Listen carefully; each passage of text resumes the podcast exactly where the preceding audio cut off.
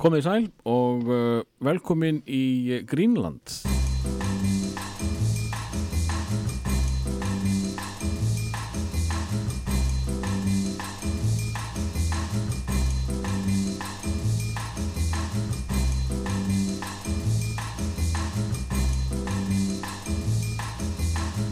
Í þetta skiptið er það uh, Helgi Seljan, velkomin. Takk. Uh, er það Helgi Georg eða Georg Helgi? Georg Helgi Seljan Jóhansson. Já, ég hef aldrei hérst Jóhansson einu sinni. Nei, nei. Það er nóg til hann. Það er fullt til, sko. Þú ert uh, kannski þekktastu sem uh, svona frekar harður uh, fréttamaður, Leiðilegurinn. leiðilegu kaurinn. en uh, svo þegar maður er að umgangast kauða, þá er þetta ekkit endilega leiðilegu kaurinn. Ekkit endilega. Nei, kannski ekki, sko. En ég, nei, ég hins vegar kem, það er mjög, það er ótrúlega oft sem að fólk segir alveg að þú kemur nú bara skemmtilega óvart. bara að, bara, ég held þú væri svo leiðilegur.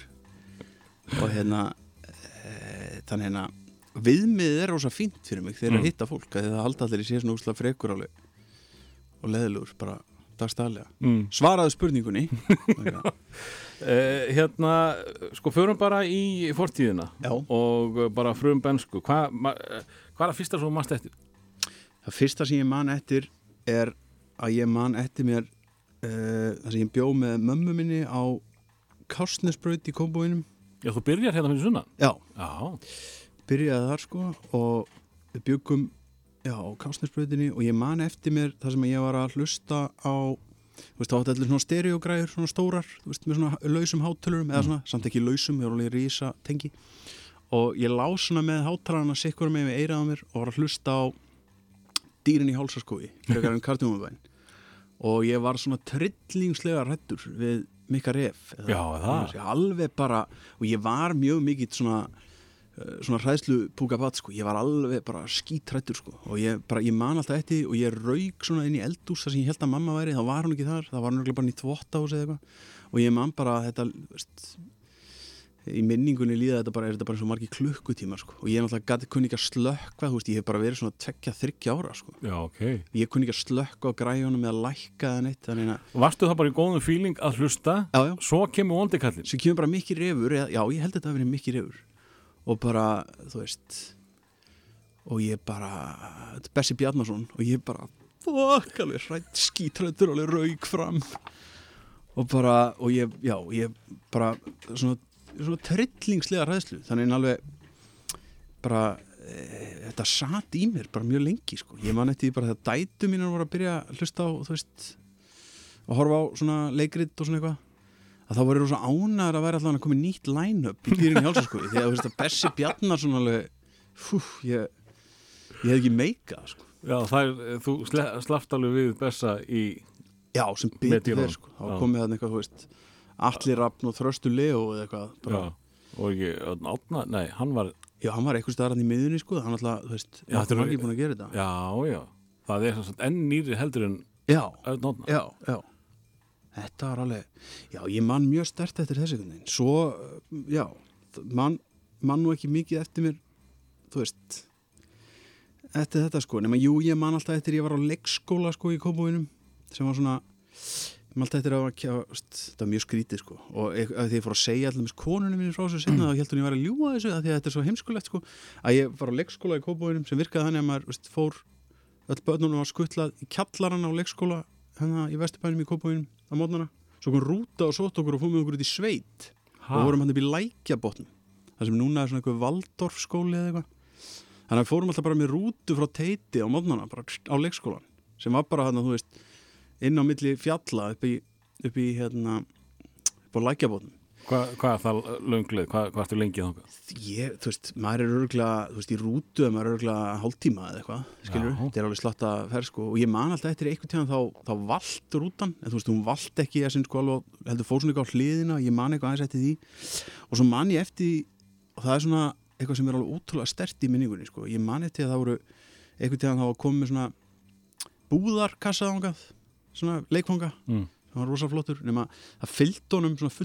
peningum, íslenskir peningar sem var búið, þú veist, að ljósrita voru gulir og grænir svona eitthvað, þú veist, 50 kallar og 100 kallar en svo fyrir þá nema hérna, seljanum leið svo vel á þetta, ég stál þeim og ég get ekki að hafa verið meir en bara svona fimm ára þarna. Já.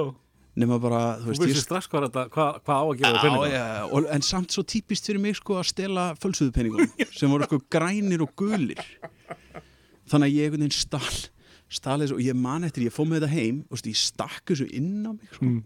það var alveg bara svona ég veit ekki hvaðan þetta massífa svona já, svona þögg element í mér hefur verið bara, veist, fimm ára börnir ekkert að stingin og svo stela ykkur og svona nema ég fóð með þetta heim, svo fikk ég svo mikið móral Já. að ég fór, sagt, lættist út þar sem ég bjó í kópáinum og fór og þú veist, það voru svona loka svona lítil svona ræsi með svona, þú veist, ripfluðu svona loki Varst að svona lítil- losa því svona? Já, skellti þeim öllum þar og ný og skildi þau eftir.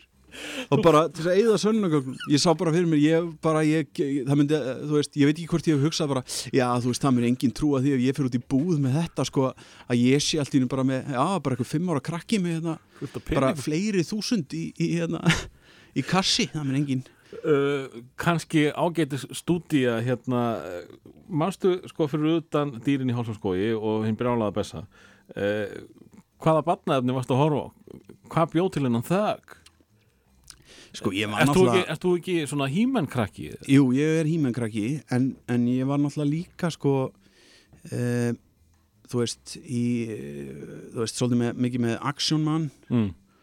Og hérna, já, náttúrulega alveg veist, brjálaður hímenkall sko. En, en svo var maður náttúrulega líka bara, þú veist að horfa á Rambo og Rocky, skilur alveg Já, bara, já, já, svona snemma veist, já, já, já, bara og þú veist, það var svo mikið atrið einhvern veginn e, svona bannaða myndir. Mm. Það var svo mikið issue að horfa á þær að því að það voru bannaðar. Já, þú varst ekstra töff að, ná gulu eða, rauðum ekki já, þannig að maður var alveg svona þú veist, að steipa sér í þetta ég man að ég og trösti vinnu minn við komumst ykkur tæðan yfir hérna eh, við höfum, þá hefur verið svona sex ski, En þá fyrir sunnan? já, Já. þá komumst við yfir svona eh, Nightmare on Elm Street Nei á Vaff S og lættumst heim til hans eftir skóla, horfðum á hana og ég man að ég bara, þú veist, aftur skítrætur, svaf ekki bara í sko, og ég held ég sé ennþá og ég, þetta var svona, ég var, það var til eitthvað svona myrkvælni hana og eitthvað svona fóbía sem ég bara hef ekkert losna við held ég almennilega Mm. eftir þetta sko. Þannig að þú mælir eindrei með því að yngra fólk eh, fari eftir gulu og rauðu merkjónum Já, ég, eh, þú veist, að horfa á myndband er góð skemmtun, Já. en það getur líka farið hérna bara út í tóma vittleysu ef að menn er ekki að virða aldurstakmarkin En, en eh, sko, þú ert strax orðin svona hedju lover sem bara smápatti. Eh, Þú ferði í, í Action Man og, og þínir menn eru Rambo og vinnur hans. Já, og svo náttúrulega bara, þú veist, og þessum tíma var líka Hímaðurinn. Já, og þarna er náttúrulega bara veist, það er eiginlega alveg furðulegt sko að, að ég skul ekki vera hérna e, þú veist, líta út eins og gilsinlegur sko, því að þú veist, það sem það er alin upp við er bara veist, Jón Páll og Hjalti Úsus og Magnús Ver og Bara allir 3% þessi kallar- feita. já, já, Já. og bara, já, og líka bara svona, þú veist, þessi bilun, bara eins og, þú veist, Jón Páll var bara Íslandsmeistar í vakstarækt og tveimu vikum setna var hann sterkasti maður heims, þú veist, þyngdi sig um, ég veit ekki hvað mörg kíló og þetta var alveg svona, var svona rosa mikið svona krafta, uh, þú veist og svo var náttúrulega, þú veist, já þetta snýrist þú mikið um það, sko. Það voru allir, þú veist, og, og ég meina það verið að svona tala um eitthvað svona líkamsvirðingu og svona börn einhvern veginn með svona staðalímyndir og svona. Mm. þú veist, ég er bara alveg uppið bara að það var engin þú veist, það var engin maður með mönnum nema hann væri bara lit út eins og hímenn sko, ég meina, gæjarnir voru eins og svona lit allir út eins og einhver sundfattamódel sem ég var að leika með með sko. þannig að þetta var alveg bara það að maður líti út eins og offsóði spagetti skilur er bara veist, Það klikkaði eitthvað á leiðinu. það klikkaði eitthvað mikið sko. Uh, uh, hvað ertu lengi hérna fyrir sunnan? ég bjó hérna sagt þangað til ég var 13 ára, þá fluttu við austur og reyðafyrst Já, það er svona seint, já. Já, en ég að- var náttúrulega alltaf þar á sumrin og að mikið sko Já, það er tenging þar áður að ferð. Já, Já. Uh, heldum okkur þá bara aðeins í kópóinum uh, að því ég, ég var að pínu hissa einhver tíma þegar þú komst til mín og helst ég fram að vera mikill bliki. Já, ég var ekki alveg að tengja neitt við reyðafjörð eða austfjörðina þar. Nei, eðlilega ekki. Uh, Varstu í bolta sjálfur eða? Já, já, ég var í fótbolta og handbolta í breyðaflik alveg þú veist, og ég var fínn í, í báðum íþrótum alveg þannig til að þú veist, maður þurfti að fara að hugsa mm. Veist, það er svona ákveði tím, tímamót sem koma í, í, í, í íþróttum þegar að hérna svona e, leikunum fyrir að snúast um meira heldur en bara veist, að hlaupa, sparka og verjast sko. Mm. þá datt ég út, sko. þá var ég alveg bara ég skil ekki leikin sko. Já, sko, ég dætt út þegar öll þessi kerfi í körfunni byrjuðu Já, ég, ég Jesús hefði alveg bara, þú veist, ég gæti alveg alveg ágættur í körfubólta, sko, Já. en eh, þú veist, svo þegar var komin eitthvað svona leikkerfi og, og ég til dæmis, ég fríkaði alltaf út eftir ég frétta þessar, hérna, hvað er þetta, þryggja sekundna reglu eða eitthvað, þá bara, ó, býtu hvað, nei, þú veist, þá, þú veist, þannig að ég var, já, þannig ég var svolítið, ég var í fótbolta og, og körfubólta, ég hefði líka sund eitthvað og nú. í bænum, já, og ég var, Allt til að reyna líkjast hímanunum og... já, já, Já. og bara vera, þú veist, þetta var alveg, Er þetta eitthvað algengt þá í kópáinum? Gilsarinn og, og hvað heitir hann, eh, Hjöppi Ká? og- Já, já, já, Hjörvar náttúrulega sko, við vorum miklu vinnir, við Hjörvar byggum rétt hjá okkur öðrum Nú er það? Já, já, og, og e, hérna Gilsinegger náttúrulega er einu ár yngri en ég hann er, hann var með mér, æði með mér fótbolta Þú ert í þessu grúi já. Þú ert krakki Já, já, Egil náttúrulega var alveg stórkostlegt badd sko, hann var náttúrulega svona hann var rétt rúmlega 5 kíló með skólatösku bara þangað til hann var bara eins og hann er núna mm. og alltaf rífandi kjaft Kefturum var á samastað alveg bara, já, já, Já. en alveg ógeðslega fyndin sko. Mm. hann var mjög skemmtilegur sko. og hérna, og er það náttúrulega en, en hérna, þannig að þú veist, ef ég hefði veðjað það þá að hann yrði, þú veist most likely, uh, þú veist to look like a he-man þá hefði ég ekki veðjað á það sko. Það voru aðrir sem voru kannski svona þú veist, bara ég stundum bara skilji ekki hvernig þetta er hægt sko en ég meina, þú veist, að því að uh, líka bara hann var svo allt, allt öðruvísi þú veist, hann var bara algjörð smælki sko. Mm. pínu lítill. Minna röddin í honum að vera eitthvað svona. Og hérna, já já og Hjörvar náttúrulega, þú veist, sem er náttúrulega bara síðast í dag sá ég að hann var með eitthvað svona tískuræð ráð á Twitter eða eitthvað, þú veist, þetta er bara gæi. Ég held að hann væri bara úr apaskinni bara þangað til að við, við vorum svona 13-14 ára. Hann var bara fastur í ykkur svona hákágala apaskinskala, bara fram eftir öllum aldrei, sko. Hann var alveg sjúklega að fyndi bat, sko. Þetta er að vísu sögur sem ég bjóst ekki við að Nei. að fá uh, sögur af þessum mönnum en, en, vorst, en voru þeir var þetta gengið þitt eða voru þeir kannski aðeins fyrir þetta? já, þeir voru svona, en Hjörvar, við Hjörvar vorum uh, svona góðu vinnir, en, en svo var ég, þú veist, átti ég annan vinnahóp í, í Snælanskóla bara sem voru hérna, félagi mínir, en, en Egil og, en Egil náttúrulega var sko, ég held að Egil og Hjörvar hafi eh, orðið vinnir svolítið setna þegar þeir voru í, í mentaskóla eða eitthvað, en, en, hérna, en þeir voru svona, þú veist, ég umgegst þessa strákalvi í fótboltanum og, og svona eitthvað, sko. Mm. Hvað, þú þú er greinlega mjög uh, aktífur í sportinu Uh, hvað voru uh, svona kopa og snáðar að sýsla meira? Svo náttúrulega var maður bara aðlega að vera til vandraða, sko. Varstu vandrað? Já, alveg bara, ég snar, óþólandi bát, sko. Ég- Já, mér finnst alveg, mér finnst svo, ég held að mér ég hitti svona gamla kennara og eitthvað svona, þá bara ég fæði svona sting í magan, bara, shit, hvað ég er búin að gera þessu fólki, sko. Bara hræðilegt, sko. Ég var alveg hræðilegt bát, sko. Og bara, þú veist, hérna, Hvernig þá hræðilegt? ég var bara, veist, eh, svona... eh, Öskrandi og ég vil nammi eða Ná, bara nei, kannski ekki endilega svona eitthvað frekur heldur bara svona, þú veist alltaf, e, þú veist eh, þetta með, eh, þú veist þetta með að stela peningunum hann Mm. fimm ára eða eitthvað, það það sló svolítið tónin sko svo var maður að hérna, það sko, það er til held ég ég hef nú reyndar ekki tjekkað á því en það er þetta örglætt að finna það það er, einhvern tíðan þá voru við að það var verið svona bara, veist já, ég hef kannski verið svona níu, tíu ára eða eitthvað, það voru að kveikja sinun í Fossóstall mm. og þá kom slökkulið og allir konum með nóaði sko, það var alltaf verið að kveikja sinu og við vorum búin að vera þarna bara, við vorum bara í tvo mánuði á vorin að kveikja sinu í fórsói bara og svo slökkuðum ekki að slökkulið að mæta þarna með einhverja blöðkur til að slökka eldin og Og var það sigurinn? Var það að ná þeim eða var bara gaman að kveiki í þessu eða vildu þið fá? Já, bara gaman að kveiki í, svona það var ekkit leðilega þú veist, þegar slökkuliði mætti og allir eru brjálaðir og nema svo eins og sko. Það átti að vera triksi sko. Ljósmyndarinn byrjaði að taka myndir á var til svona mynd af mér og öðrum félagum mínum þar sem við erum að hlaupa og hugsaði bara gangster elementið, við. Að við vorum báðið með svona úlpunar yfir höstnum á okkur að hlaupa í gegnum fósfóin. Bara eitthvað þannig að við myndum ekki þekkjast. einu mennindir sem hafa verið með úlpu yfir hausnum á sér sem ég hef vitað til á þessum tíma voru ekki búist bannanýðingar eða eitthvað samt eitthvað rífu við úlpunar yfir hausin á okkur Já, þú, hérna, þú kunnir þessi handtök greinilega mjög já, vel. já, og þetta var svona, þú veist og maður var bara svona, þú veist, maður var rosa mikið vesen, sko, Mm.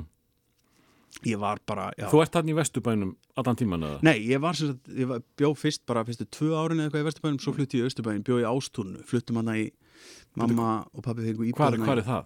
Ástúnið er bara sem sagt, uh, fyrir neðan nýbílaveg við sem sagt uh, hérna Nær engi hjalla á því? já, Já. já, sem sagt aðeins, aðeins hérna, ég var í Snælanskóla sem sagt, Mm. hérna, niður frá og þetta er svona, þegar ég er að flytja þá er þetta hverfi alltaf byggjast upp og þetta er alveg, þú veist þetta var svona típist íslenskt hverfi á þeim tíma og alveg, þú veist, ég bjó í verkamannabústöðum, svo voru, þú veist, húsnaði samvinnufélög hérna og eitthvað svona og blokkin mín var svona eh, okkur var kent um allt, sko, Mm. við vorum alveg Villingablokk já, vorum villingablokkin sko. Og ég með þess að hitti konu fyrir einhvern tveimur ára síðan sem var að segja mig bara hún væri bara ennþá með móral yfir því hvað hún hefði verið vond við okkur að kenna okkur um alltaf um að ef, ef eitthvað gerðist sem að ég held samt að hafi ekki verið ástæða lausu sko oft.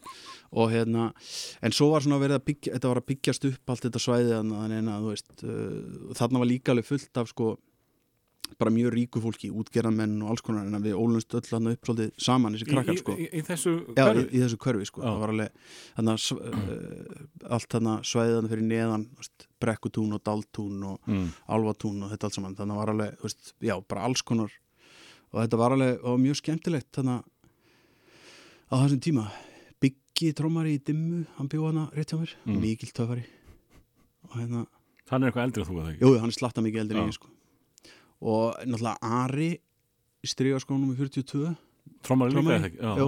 Hann bjóða hæðinni fyrir ofan mig. Og við vorum fínir vinnir sko, þá náttúrulega hann náttúrulega var too cool for school náttúrulega, var veist, komin í metalband og svona eitthvað. Og hérna og já, þetta var mjög skemmtilegt sko. Uh, uh, sko meða við ástandið á þér uh, eins og þú bara segir sjálfur að þú, þú hafi verið erfiður snáði. Já, hvernig var heimilislífið?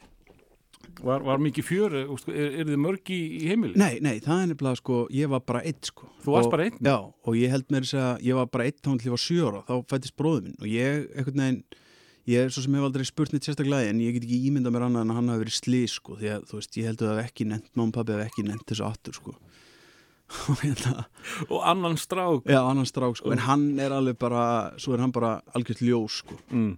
og hérna og, og hérna, mjög skemmtilegur samt sko, en, en er bara, er allt öðru sem ég sko, en hérna já, þannig að ég var bara, þú veist var basically bara innbyrni já, þú veist.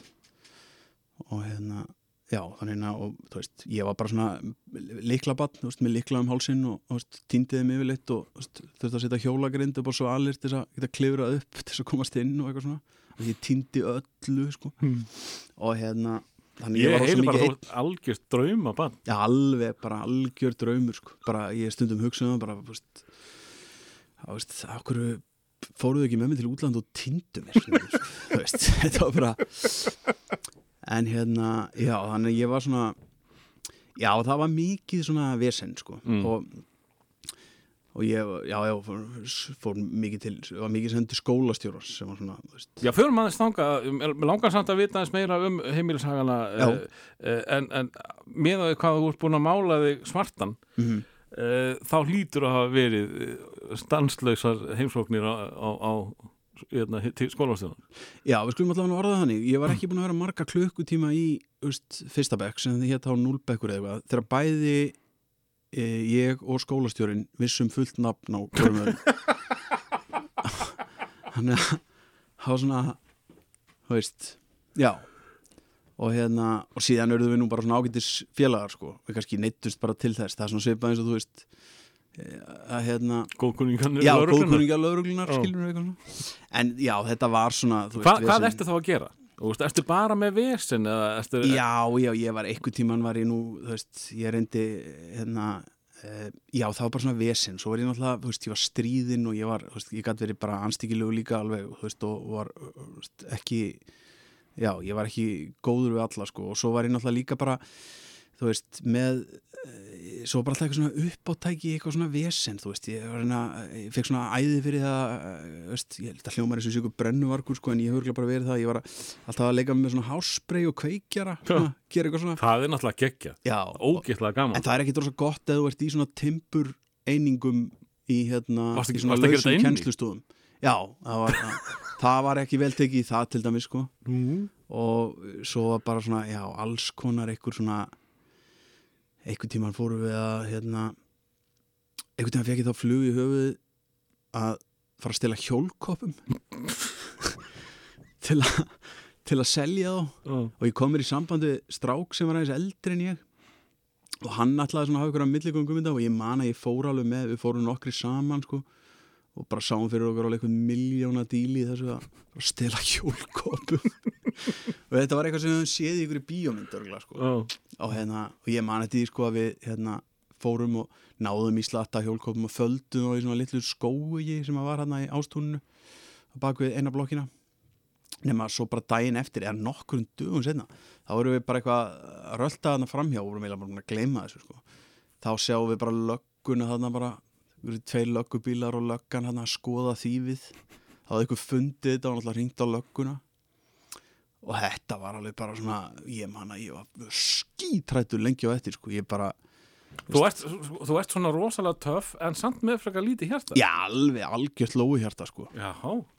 já, já, ekkert nema kjafturinn alltaf sko. Já. það var alveg já, já En Hvað, hérna, sko, hvernig var þá litið á þig? Var, var fólk krætt við þig eða varstu bara töff?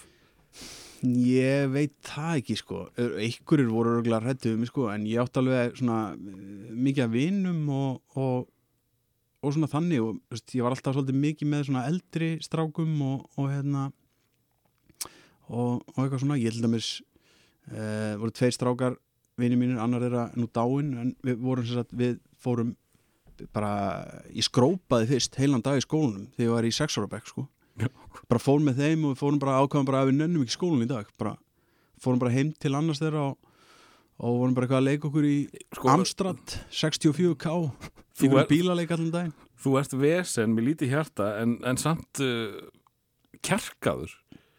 eða heimskur sko, það er oft stutt á milli það er sérna Já, ég meina þóra að skrópa sex ára, það, já, en það var veist, að vísu kannski léttara áður. Þetta, var- já, en var samt, ekki svona- þetta, þetta var samt alveg ég man eftir því þegar þetta komst upp og svona sem náttúrulega gerði eðlilega skilur að þá bara mann ég eftir því ég hugsaði bara, vá, hvað? Og ég náttúrulega hugsaði það mjög oft sko, bara Helgi, hvað varst að spá?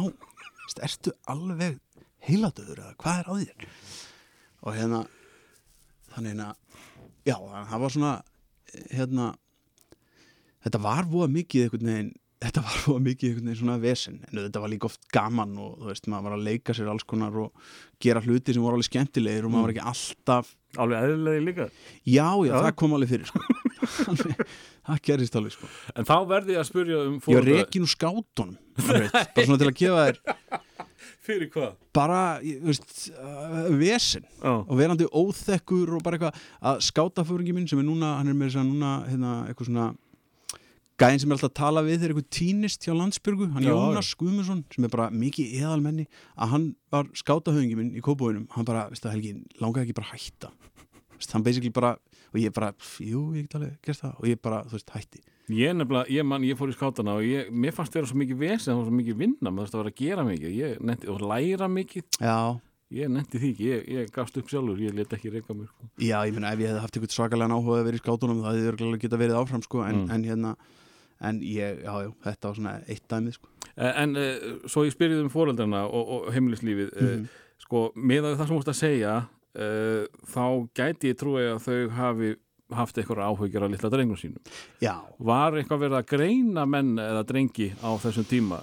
Uh, þetta, þetta er alveg ekta case fyrir bullandi greiningur og, já, já en, núna væri það náttúrulega Mm. og ég náttúrulega er greindur með aðtiklisbrest sko Já. sem náttúrulega er, þú veist uh, og ég veit ekki hvort ég var endilega ofvirkur en klálega með aðtiklisbrest það er margt að þessu sem ég gerði svona varaleg dæmi um það, þú veist, ég var bara svona kvatvís og bara og einmitt þetta bara hugsa ekkert um þú veist, áður um að framkvæmir og eitthvað svona þú veist, sem var mjög, mjög dæmigert sérstaklega fyrir börn, sko mm, nema þannig að ég einhvern veginn svona uh, ég man eftir að ég var eins og sendur til sálfræðings bara skólinn einhvern veginn svona og mamma komist að samkomulega um að senda mig þangað og ég fór að hitta ykkur alveg frábæra konu í Hafnarfirðinum. Mástu á hvað aldrei?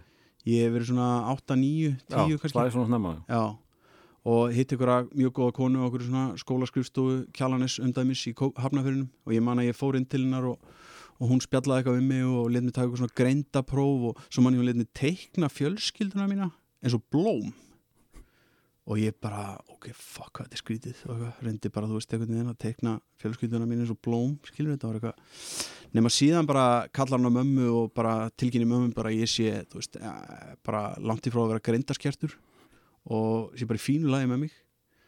Og bara Örlítið kvantvís já, bara allt í lagi maður. Bara, þú veist, geða hann bara nýja buksur ef hann rýfur þessar og láta hann bara, þú veist sem alltaf bara versta sem þú getur heist þegar þú ert nýja ára, bara eitthvað, já, ok, ég bara ég er hefi gáðaður og það er lagi með mig Sáðu hún þetta fyrir fram að því? fyrir fram að mig, sko Já og hérna, og ég held að þetta bara eitt og sér hafa bara valdið skada sko.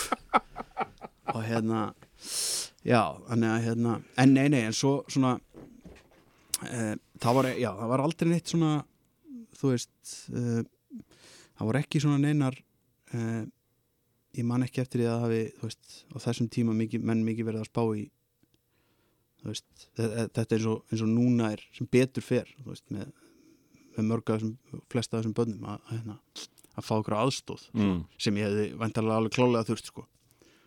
og hérna en, en sko, þú náttúrulega bara grefið í gegnum þetta það, Ég get ekki sett mikið út af því í dag Þú, you made it through já, um, og það gera það ógstlega margir sko. Mm. en það er bara, þú veist, það verður hins vegar margt rosa erfitt á leiðinni held ég, sko. já. þannig að þú veist og það er náttúrulega það sem gerist svo þegar ég verð úlingur og svona, og veist, þess vegna er ég svona mjög lengi einhvern veginn úlingur Mm. bara, þú veist, þú veist, ég er að vera fertu núna til nokkra daga, sko, ég, þú veist á svona eðlu tímatali er ég svona þú veist, á góðum degi 25 ára, sko þú veist, En hvernig fór þetta í, í fóreldra? Veist, Ekki mjög vel. Nei, þau náðu ekki að venjast þessu varstu, Nei, ég, nei, þú veist en, en þau, svona, þau spiluðu þetta samt alveg mjög vel og það var aldrei þannig einhvern veginn að sem betur fyrir að ég væri eitthvað svona sem hefði verið rosa slæmt fyrir mig ef ég hefði haft svona foreldra sem voru bara svona let alltaf eins og ég hefði ekki gert neitt að mér sko. Mm. þau viss alveg að, þú veist, hvernig ég var en, veist, en í þessi fáu skipti sem það gerðist að mér var kent um eitthvað sem ég gerði ekki að, þú veist, þá minnum mig að þau hafi nú alveg staðið með mér sko, og svona, en það var náttúrulega bara kannski ekki oft tilmynd til þess sko, en, en þau voru, þú veist, pappi var mikið á sjó Já, eða svona uh, stóran hluta af þessum tíma og hérna, í kópavæðinu já, Já, og hérna og uh, þú veist, þannig að þetta var, var mikið svona mömmu jobb að sjá um þetta sko. Já, og, og hérna og hún gerði það alveg eins vel hún gatt sko. Þú veist, það er ekki hægt að kenna þeim um það ef ég er kjánalegur sko, Nei. það er alveg hreinu. Þau gerðu sitt besta sko. Nákvæmlega.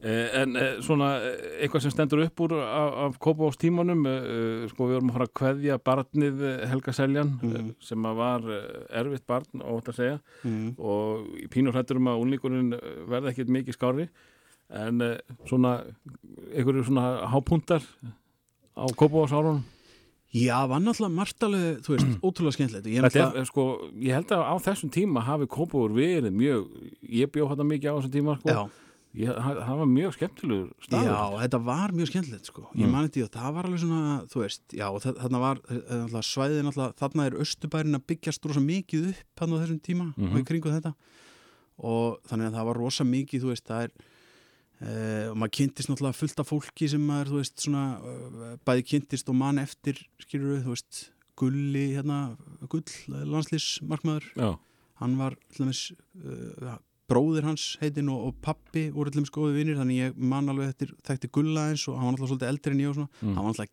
geggjaðu töffari sko já, það ekki. í húp, bara, þú getur, þú getur ímyndað sko. og hérna og þú veist, og fullt af fullt af bara já, það var rosa mikið af krökkum og fjölskyldum þú veist, þarna, náttúrulega í þessu hverfi þannig að það var alveg, þetta var mjög skemmtilegt. En það þarf kannski ekki að koma óvart sko, þú veist, ég var sendur í sumabúðir alveg sumurinn sko og fyrsta skipt sem ég fór, ég held ég að vera sex ára og ég sendur bara, þú veist, í mánuð bara eh, á ástjöld Já, ég fór á Selugupall. Já, það Einmitt, þú veist, bara í mánuð, sex ára gamall ég man eftir, ég var yngstur í sumabúðunum sko. Já. Já, bara þú veist, og maður, þú veist, mánuður þegar maður er sex ára það er bara er og rosalega tíu ára dóm sko. Já, nákvæmlega og ég náttúrulega var með alveg sjúka heimþrá og, en þú veist, kynntist ókslega mikið að fínu liði þar líka sko.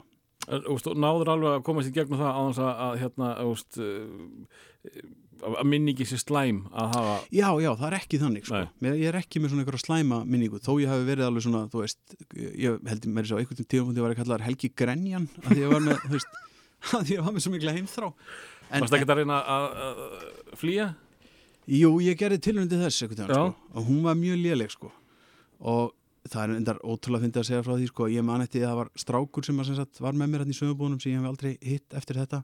En ég hef svona aðeins lesið mig til um þetta mál setna og þess að strákur sem að fer á eftir mér sem að ég hafi kynst aðeins hana og er að reyna að fá mig ofan að því að flýja. Mm. og ég verið eitthvað að segja hann bara að minnst úkislega liðilt hérna, ég vil bara komast heim til mamma og pappa og bla bla bla bla og hann bara eitthvað, já þú áttu allavega pappa. Og ég bara eitthvað, ha?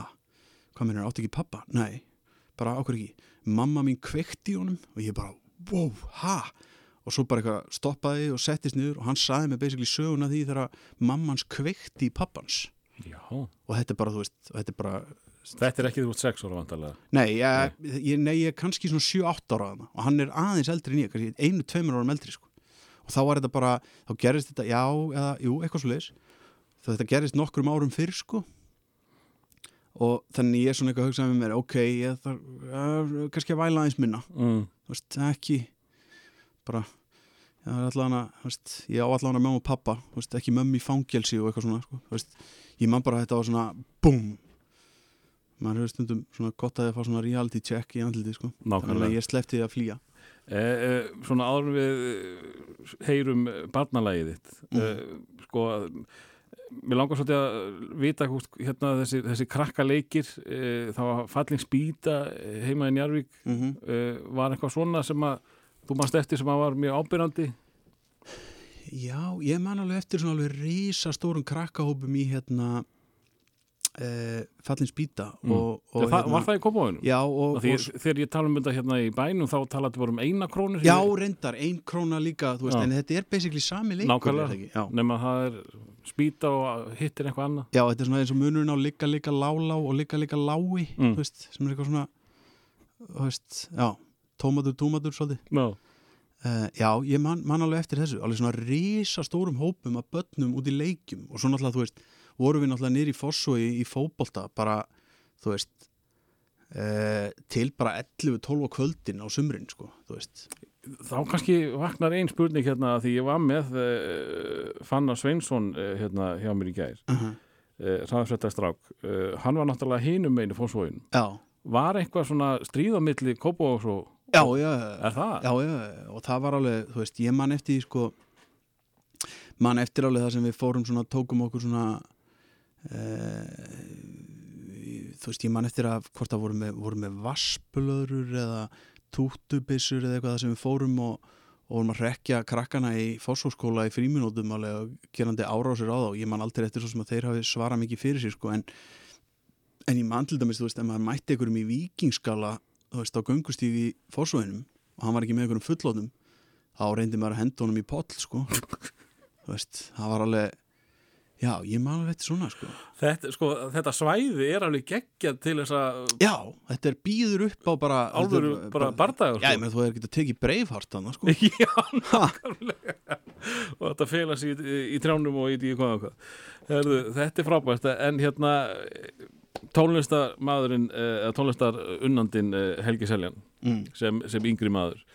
Eh, Ég gerir áfyrir að það sé ekki í hálsamskói nei, bara í Guðspænum ekki spila Bessa Bjarnarsson eitthvað en það er sem sagt hérna uh, það er Bjartmar Já. súrmjólk í hádeginu Byrjarðu bara strax þarna á Bjartmari Já, ég meina þetta er bara, þetta lag er bara svolítið eins og í minningunni, ég veit, man ekki hvernig lagi kom út, en ég, einhvern tíðan tók ég eftir því að það kom ekki út eins snemma eins og ég hafði búist við, en fyrir mér er þetta bara eins og svona uh, soundtrack, svona fyrstu æfiðáruna minna, sko. Já, og þetta var alveg matseðlinn hjá mörgum Já, já, Já. alveg bara, og súrmjólk og seri og saman, mm, geggjaði matur, sko. En erstu þá að tala um uh, Bjartmar sjálfan eða Guðmund uh, heitir hann ekki Guðmundur Rúnar Lúðvíksson sem að sönga þetta fyrst Jú, ég, ég er viltu að fá tala um þetta Bjartmar, Bjartmar? Sko sko. að tala um Bjartmar já, já. og Erik Fjallægjapel Já, ég held að þetta sé þeir tveir saman. Heyrum hér uh, barnalæðans Helga Heyrðu hvaða halla í skræ grínari.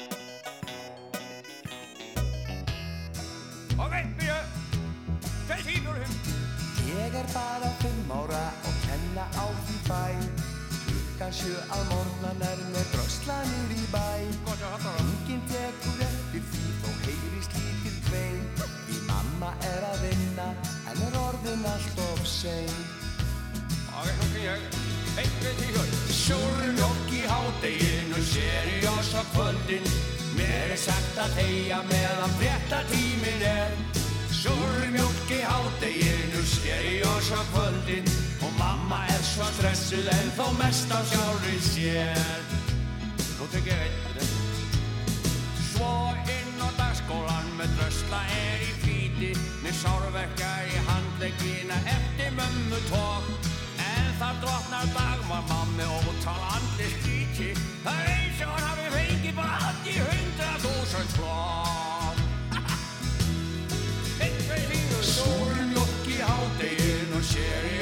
kvöldin. Mér er sagt að þegja meðan frétta tímin er.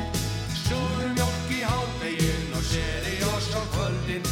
Þetta er vist að pappi minn, hann ræður öllu hér.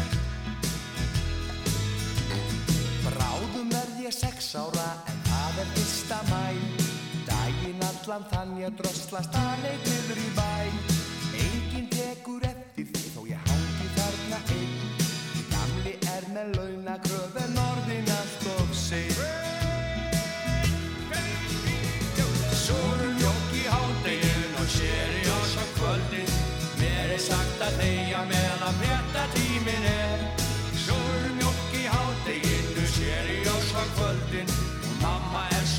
stressuð en þó mest á sjálfur sér Sólmjólk í hádeginu sér í oss á kvöldin Mér er sagt að þegja meðan frétta tímin er. Sólmjólk í hádeginu sér í oss á kvöldin við postum í mínur öll? Hún mamma er svo stressuð en þó mest á sjálfri sér. Á að tekja smá sóló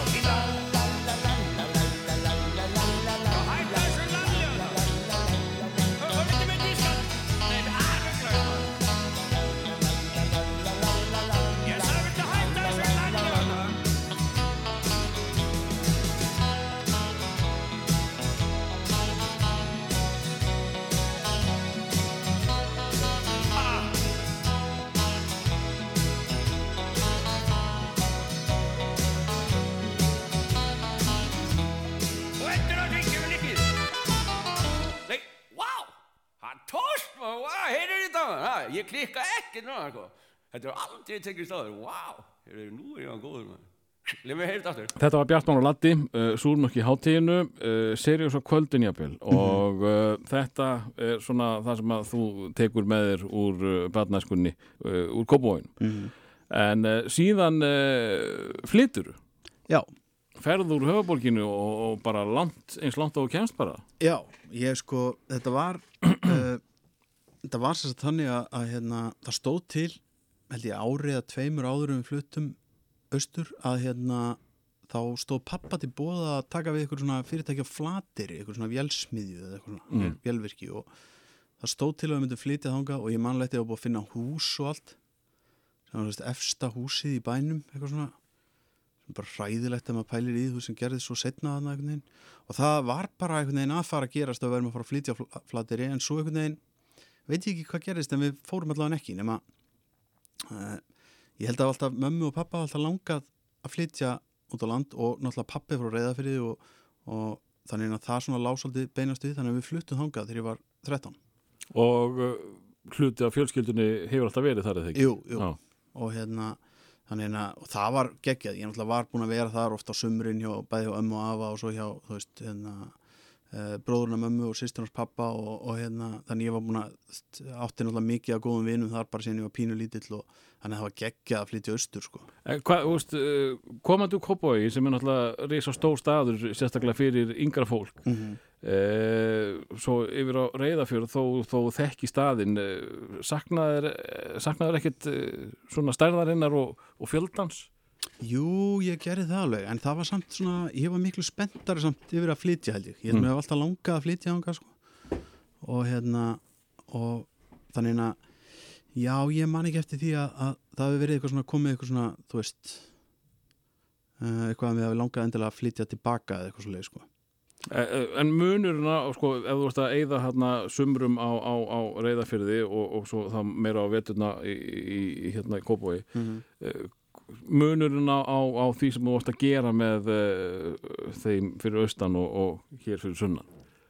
Það vantar það- að vera aðri leikir í bóði Já, já, ég meina uh, já, samt, sko, maður var þú veist, ég man alveg þegar ég var á sumrin fyrir austan og svona, þá var maður mikið bara, þú veist, í fótbolta bara í valreiðafrið mm. og hérna sem var alltaf alveg bara sjúklega lélegir alltaf, við vorum alltaf alveg bara rosalegt, sko. Uh, og hérna en, en svo var maður bara líka, þú veist, út í leikjum en, en það var líka margt annað sem var í gangi þar, þú veist, maður, farið, maður var eitthvað að vesenast nýra á bryggju og þú veist, reyna að komast eitthvað staðar í, þú veist, kannski heiskap eða eitthvað að þvælast og þú veist, veiða marnúta og, og hann alveg, hérna fræg sagan að þeirra við, ég held að það verið ég og Andri sem ætluðum að, eða ég og Hannes frændi minn. Það var ekki ég, Hannes og Andri ætluðum ekki þannig að fór byrjum að veiða marnútanir á var svona oljutankar við bryggjuna, nema utanum þá var búið að steipa svona uh, girðingu eða svona steipa svona kant, svona vegg nema þannig að það var, það var hann var fullur af, af vatni Já, já. Og það er svona áinn rennur hann framhjá út í sjó og nema við ákveð fengum það frábæri hugmynd að fara að veiða marknúta og sleppa þeim hann fara að hefja svona marknúta eldi og hérna og eins og náttúrulega með allt eldi á Íslandi þá náttúrulega kom svo í ljós að, að hérna að við höfum sjást að veiða sama marknútin örgla bara, þú veist, við vorum örglandi í tíu tíma eitthvað sko, að bara í mók veiða marknúti því að það sérst kom sérst í ljós að það gætti flóðs og fjöru bara þannig að þegar flætti að þá fylltist þetta af, af sérst, sjó eða vatni úr ánni oh. og svo bara rann það út aftur um gat, risastórt gat sem var þannig að e, allur, allt, allur eldisfiskurinn slapp og, og mjögulega, þú veist, við vorum svo innilega sorry þegar við föttuðum þetta að við varum að vera að veiða sérst, sama marknútin meira og minna allan daginn. Hó- höfðum alveg brjálaðislega fyrir þessu, vorum alveg orðinni sásongir að því við tímdum ekki að fara heim, það var svo mikið veiði. Þetta er svona eitt dæmi. Og svo náttúrulega var ég náttúrulega því ég var svona borgabatt, þá náttúrulega var ég svolítið svona uh, veist, aðeins meiri kjáni og bara ekki alveg eins mikla virðingu fyrir hérna, uh, því sem að strákarnir voru aldrei upp við alveg frá blötu barsbeini sko, sérstaklega hérna, svona aðeins eldri strákarnir veist, svo var ég, ég var dettandi í sjóin og mm. vini mín er að fiska mig upp að því ég var stofaæstur í, í veiðunum með einhverju vesinni hann og, og hérna en það var alveg, já, það var svona þú veist, mörguleiti alveg svipað en náttúrulega samt svolítið öðru sér vegna þess að, að þetta var þessi staður, sko Já, og, og, og kannski já, meira frelsi mögulega? Já, já, já, það var það. Veist, maður er alveg svona, þú veist, maður er auðvitað stalst til, þú veist, að hjóli kringluna og stela peningum og gósbrunum og eitthvað svona þegar maður kaði allt til. En maður mátti ekki fara ánga, sko. Nei. Eh, varstu jafn, eh, erfiður fyrir austan og, og heima? Eh, Já, ég var hindi bara erfiðari, sko. Já, þú varst ekkert að sína ættingu þínum með einhverja virðingu með að, haga þér? Nei, nei, nei, maður minna frændi mig og skólastjóri sko, það getur rétt ímynda hvað svo fyrir, var þetta fyrir hann. En ég var svona, þú veist, ég var aðeins öðruvísi þú veist, ég var ekki alveg sko þú veist, ég var ekki alveg hlaupandi á veggi skilur, þú veist, ég var svona meira bara þú veist, ég náttúrulega e, þú veist, með kjaft og svona en ég samt svona eignaðist alveg mjög góða vini sem voru kennararnir mínir fyrir austan og svona og líka náttúrulega í bænum. Ég var með mjög góða kennara hérna og allt, allt þannig þannig ég var svona, þetta var ekki svona stanslöst vesinn en þú veist, ég var ekkert búin að búa lengi á reyðafyrir þegar ég var alveg, þegar frændi mér þurfti alveg að kalla á mig alveg hérna, Helgi, getur verið að þú hafi verið að nokkuð broti rúðuna hérna í smíðastofunni? Nei Akkur stendur þetta glerbrót út úr tanna þér hana. Já, sko, ég get útskýrt eitthvað, þú veist, eitthvað svona glata rugg, sko. Ég, hérna, ég talaði við hann eh, Andra Frey sem að, að hérna, eh, var þarna félagiði núna fyrir austan og baðan um að, benda mér ámakað til að fá þið til að tala um. Uh, og ég sagði því sérstaklega ekkert næsti ég ætla að geima það aðeins en að þú varst að tala um að þú hefði lent í vesinni hjá fullandan fólkinu strax þarna fyrir austan uh, hann segir hér hann sendi mér þessa uh, klausu. Öllum fannst hann fyndin og sniðugur. Uh, hann var á lægra plani hvað húmor varðar með okkur krökkunum svo á hærra plan með fullótnum af því að fullótnum fannst hann sniðugur líka. Já, ég held að það getur svo sem alveg Þannig að þú gast alveg bara valið úr karakterum Já, já, ég gæti alveg grínað, þú veist, og ég, hérna, og ég, þú veist, var rosa heppin og það var kannski það sem mér fannst svona, og ég vandi snemma á að reyða fyrir það, það var svona kynnslóðabilið var allt öðru sér þar, þú veist, í svona litlu samfélagi, þá ertu að umgangast miklu fleira af fólki sem er ekki bara svona fast í það að vera svona bara bekkjasískinniðin eða þeir sem út með í fótbolta eða eitthvað svona, þú fer bara að umgangast fullori fólk og Já, og það er eiginlega að kunna umgangast alla bara með já, eiginlega svolítið þannig. Og fólk já, maður fyrir svona, þú veist, bara uh, þú veist, við andri til dæmis vorum til dæmis mjög uppteknir af því að vera fullotnir mjög snemma þannig að við fórum svona að komast á rúndin já, þeim sem voru á rúndinum og mikið svona rúndmenning heima og svona og þannig að við náttúrulega þá fórum við umgangast þú veist, mikið eldri krakka og svona, Mm. veist, að reyna eitthvað að hanga fyrir utan einhver böll og fylgjast með einhvern slagsmálum og eitthvað svona þannig að, já, þannig að það svona líka, þú veist að maður einhvern veginn fór að umgangast fólk svona öðruvísið, að og eldra fólk, sko, að svona ertu, ertu fljótur að læra á fólk uh, skinja hvað hvað uh, hvað gengur með þessari típu eða?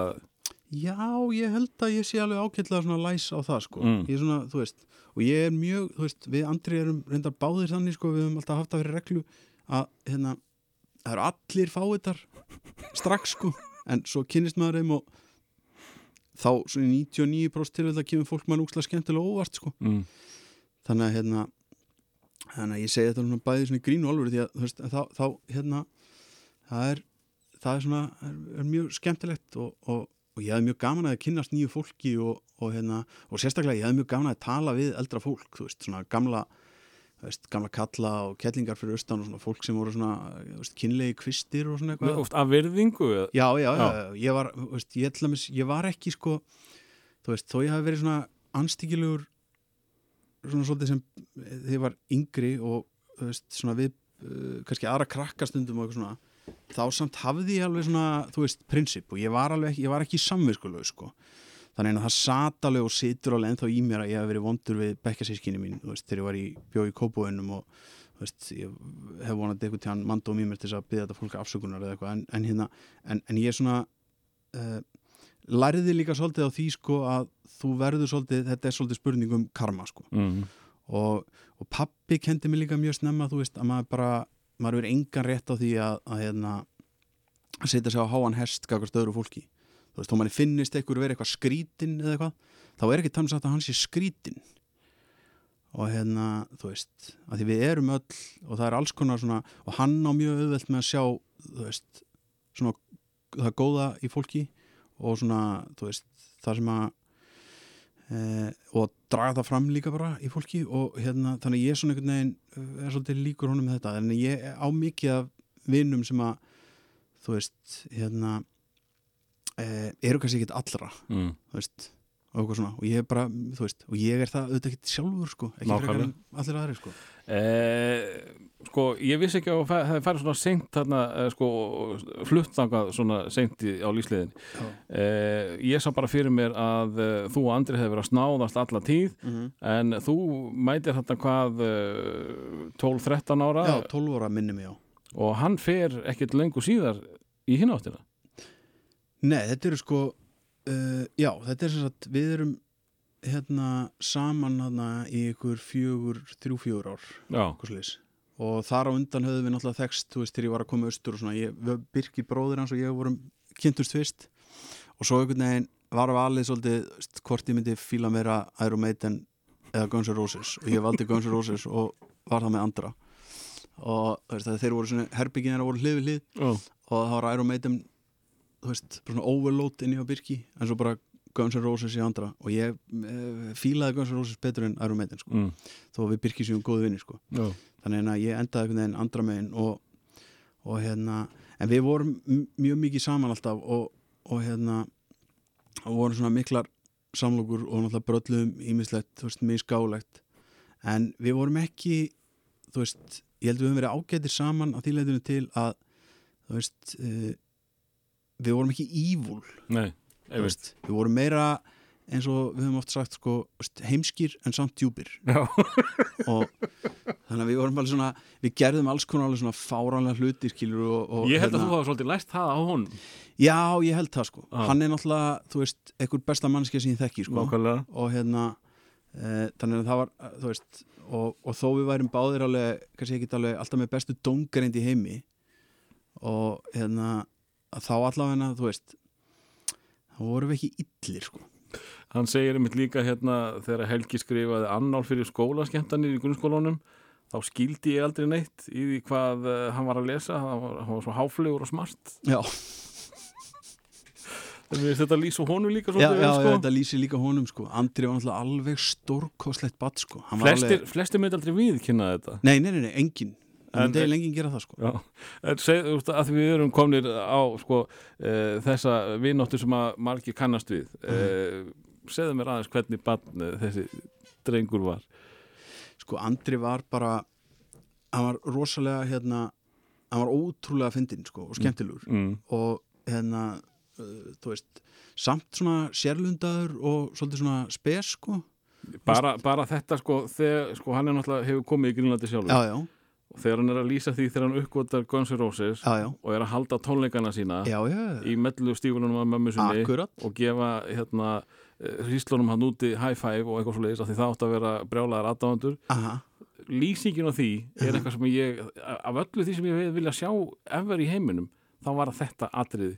Já, ég meina, þú veist, ég hérna eh, veist, ég var líka í þessu veist, með kústskaftalega fyrir framann speilin heima og ég man að, þú veist, Andri var alveg í sko nýjendabekka eða eitthvað, þegar ég, hann bjó, flutti svo í kjallaran hjá mér sko mm. þegar mammas og pappi skildu þá flutti mammas og með þá í kjallarana hindi mín þannig að þú veist, það var, það var engin fjallaða millokkar sko þá ekkert hann rauki inn heim með honum að því við vorum bara svona eins og kreimir inn í okkur um örum þá var hann með banana fyrir svona speilin að, að hérna að, að taka svona lúftsöng Mm. Og mér fannst það alltaf leið sko. Já, mega fullkomið sens. Og ég man alveg og var þetta ekkert svona tí-hí, þú ert nú meiri kallinn Nei, þú veist, jú, kannski eitthvað en, en þú veist, en þá, þú veist, vissi hann bara að ég væri líka að gera þetta sko.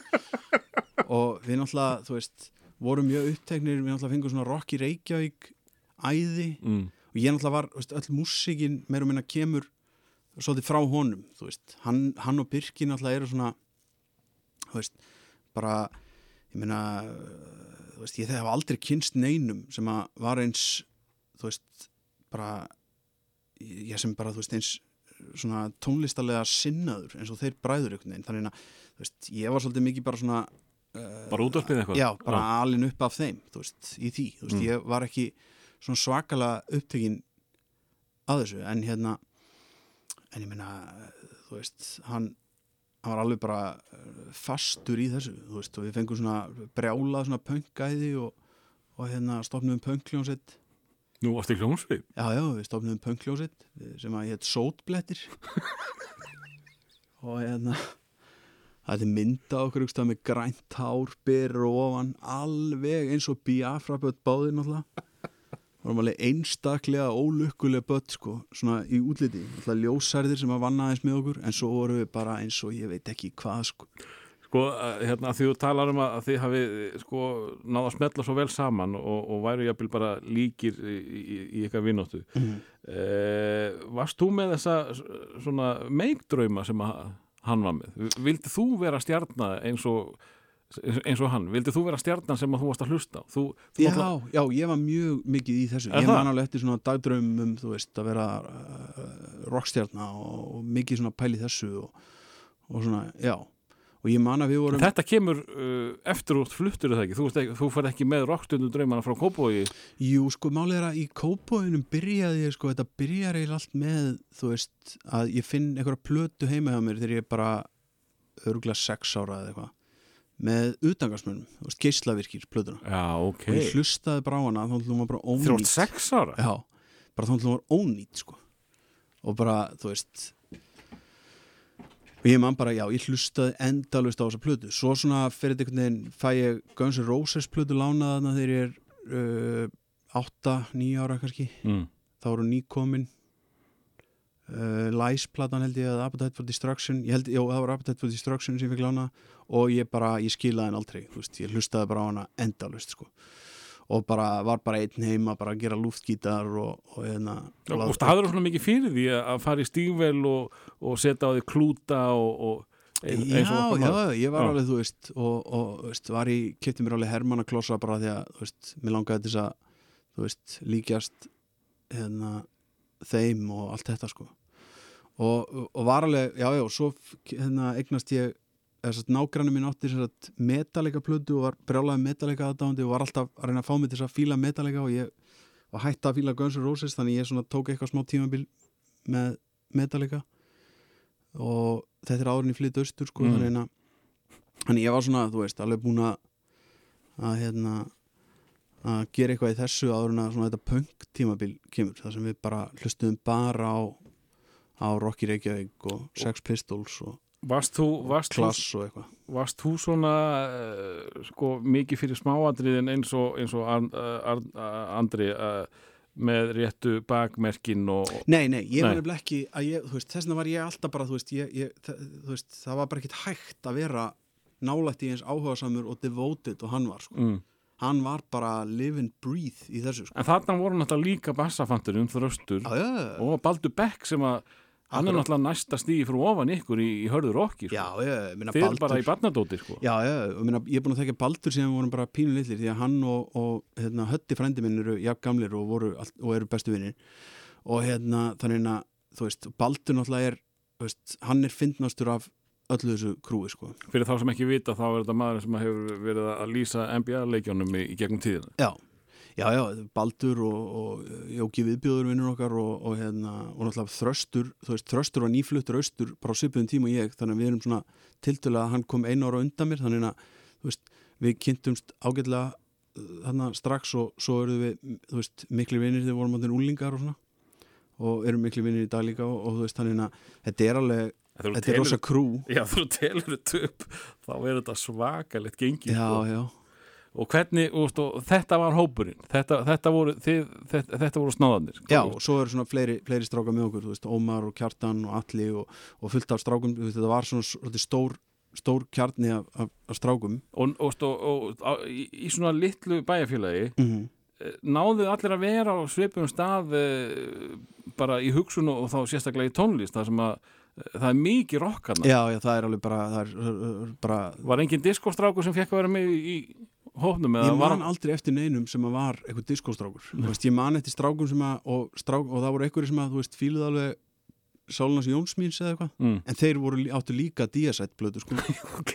Þú veist, þannig að það var alveg, hérna, var ekkit, þú veist, það var alveg allt í lægi, skilur, það var Mm. engin eitthvað, þú veist, en, en það, það var alveg bara, veist, það var óvenju hart, sko, og ég man ennþá eftir því bara, þú veist, þegar Nirvana, fyrsti Nirvana diskurinn eða platan kom á reyðafjörð, einhvern veginn, það var bara, þú veist, það var svakalegt, sko. þegar hún kemur á reyðafjörð þú veist það náttúrulega er engin uh, þannig verslun Nei, en það var eitthvað sem að bara hafði, þú veist, já bara kom Já. ég eitthvað heimahús Já, bara Birkir og Andri, pottitt Birkir eða Andri, Já. það var sem sagt keiftana því að þeir voru alltaf að kaupa diska í veist, og Mm. mm. svo náttúrulega tónspil út á Norrfyrir það sem að, þú veist, fengu þetta þaðan og eitthvað svona, þannig að hún er pottitt komið þaðan fyrst, sko, ég manlega, þú veist, það var alveg bara, búm, eins og högg í andlitið, sko. en þeir voru samt uh, swag fyrir rocki fyrir þannig að Já, þetta já, já, já, og þeir náttúrulega, sko, þú veist, og bara, þess að ég get ekki, hérna, lagt nógu mikla áherslu á það, sko, veist, þeir voru náttúrulega the shit, sko. Ég var bara í verstafalli eitthvað svona tag-along þegar að koma þessari músík, sko, því ég bara, veist, mér fannst bara margt skemmtilegt og margt ekki og þú veist, Andri var alltaf að reyna að gefa mér eitthvað diska og reyna, þú veist, og svo náttúrulega stundu við það að gefa okkur öðrum jólagjafir til þess að, þú veist, sem við vildum sjálfur, sko mm. og hérna alltaf, alltaf eins og við værum rosa góði vinnir að gefa okkur öðrum jólagjafir og vorum alltaf að gefa okkur öðrum eitthvað sem hinn sem fekk bara lána á átti og hérna meiri átt að silly en samt gott en hérna og Andri sendi mér alltaf jólakostið alltaf til hamingi með jólin sem er ennþá bara besta jólakveða sem ég veit um. Og það hérna en já og þannig að þetta var svona já mikið hérna þeir náttúrulega voru alveg bara á öðru leveli. Svo náttúrulega var alltaf þú veist þröstur var náttúrulega alltaf að spila á gítar og Birkir náttúrulega bróðans andra á trommur og svona. Mm. þannig að svo bara fljótlega þannig er stofnuð bara því ég er í áttundabekka eða eitthvað þá fer ég í hljómsveit, aðra hljómsveit sem heit Kristu Drepin. Sem var svona pöngljómsveit líka. Við keftum ykkur svona tón hljómsveitakefni í mentaskólanum sem alltaf bara, ég er bara smákrakki. Mm. Og ég held að þetta hafi verið bara svona fyrst eða skiptið sem ég datt í það eða eitthvað. Blindfullur á sviði ykkur hljómsveitakefni á sparkað ykkur svona nótnastadi við út í salin. Helgi Psycho var kynntur þannig og hérna við spiluðum hann í þessari hljónstakefni og í þessari hljónstakefni voru líka að spila sko eh, hérna ekki ómerkari bönd heldur en sko sólstrandagæðinir Já. og Áður en að döðlunar þeir slá í gegna. já, já, Já. þarna heyrði ég Döðlunar líka? já, já, döðlunar voru hann líka sama giggi? já, já og, og hérna og líka hérna Ekki Magni Eh, líka, það?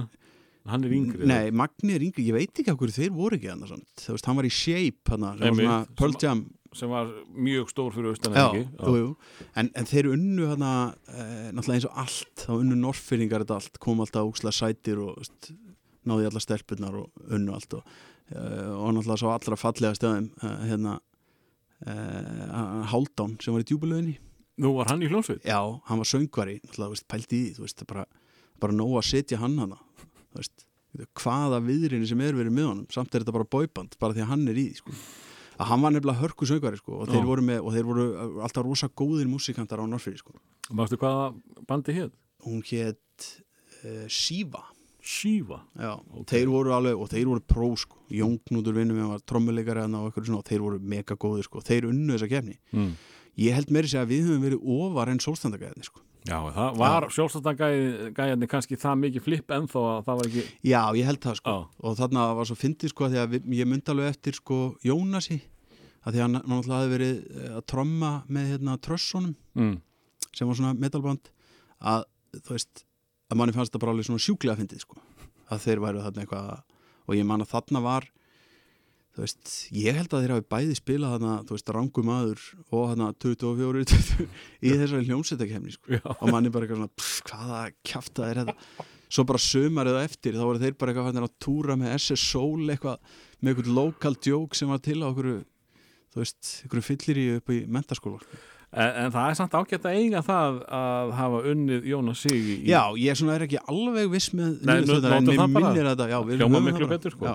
En, en sko, þú lýsur sér þannig, pínulítið, að þið eh, hressu krakkarnir eh, frá reyðafili Mhm. eh, hafi verið svona einhver... Krakkarnir í Kristu drefin Já hafi verið svona bara einhver eh, einhver case uh, komandi síðan uh, á, í, í, í þessa keppni Mhm. þar sem að hinn fallegi Haldán uh, var og, Mhm. og Jónas er nú ekki ómyndalegur Mhm.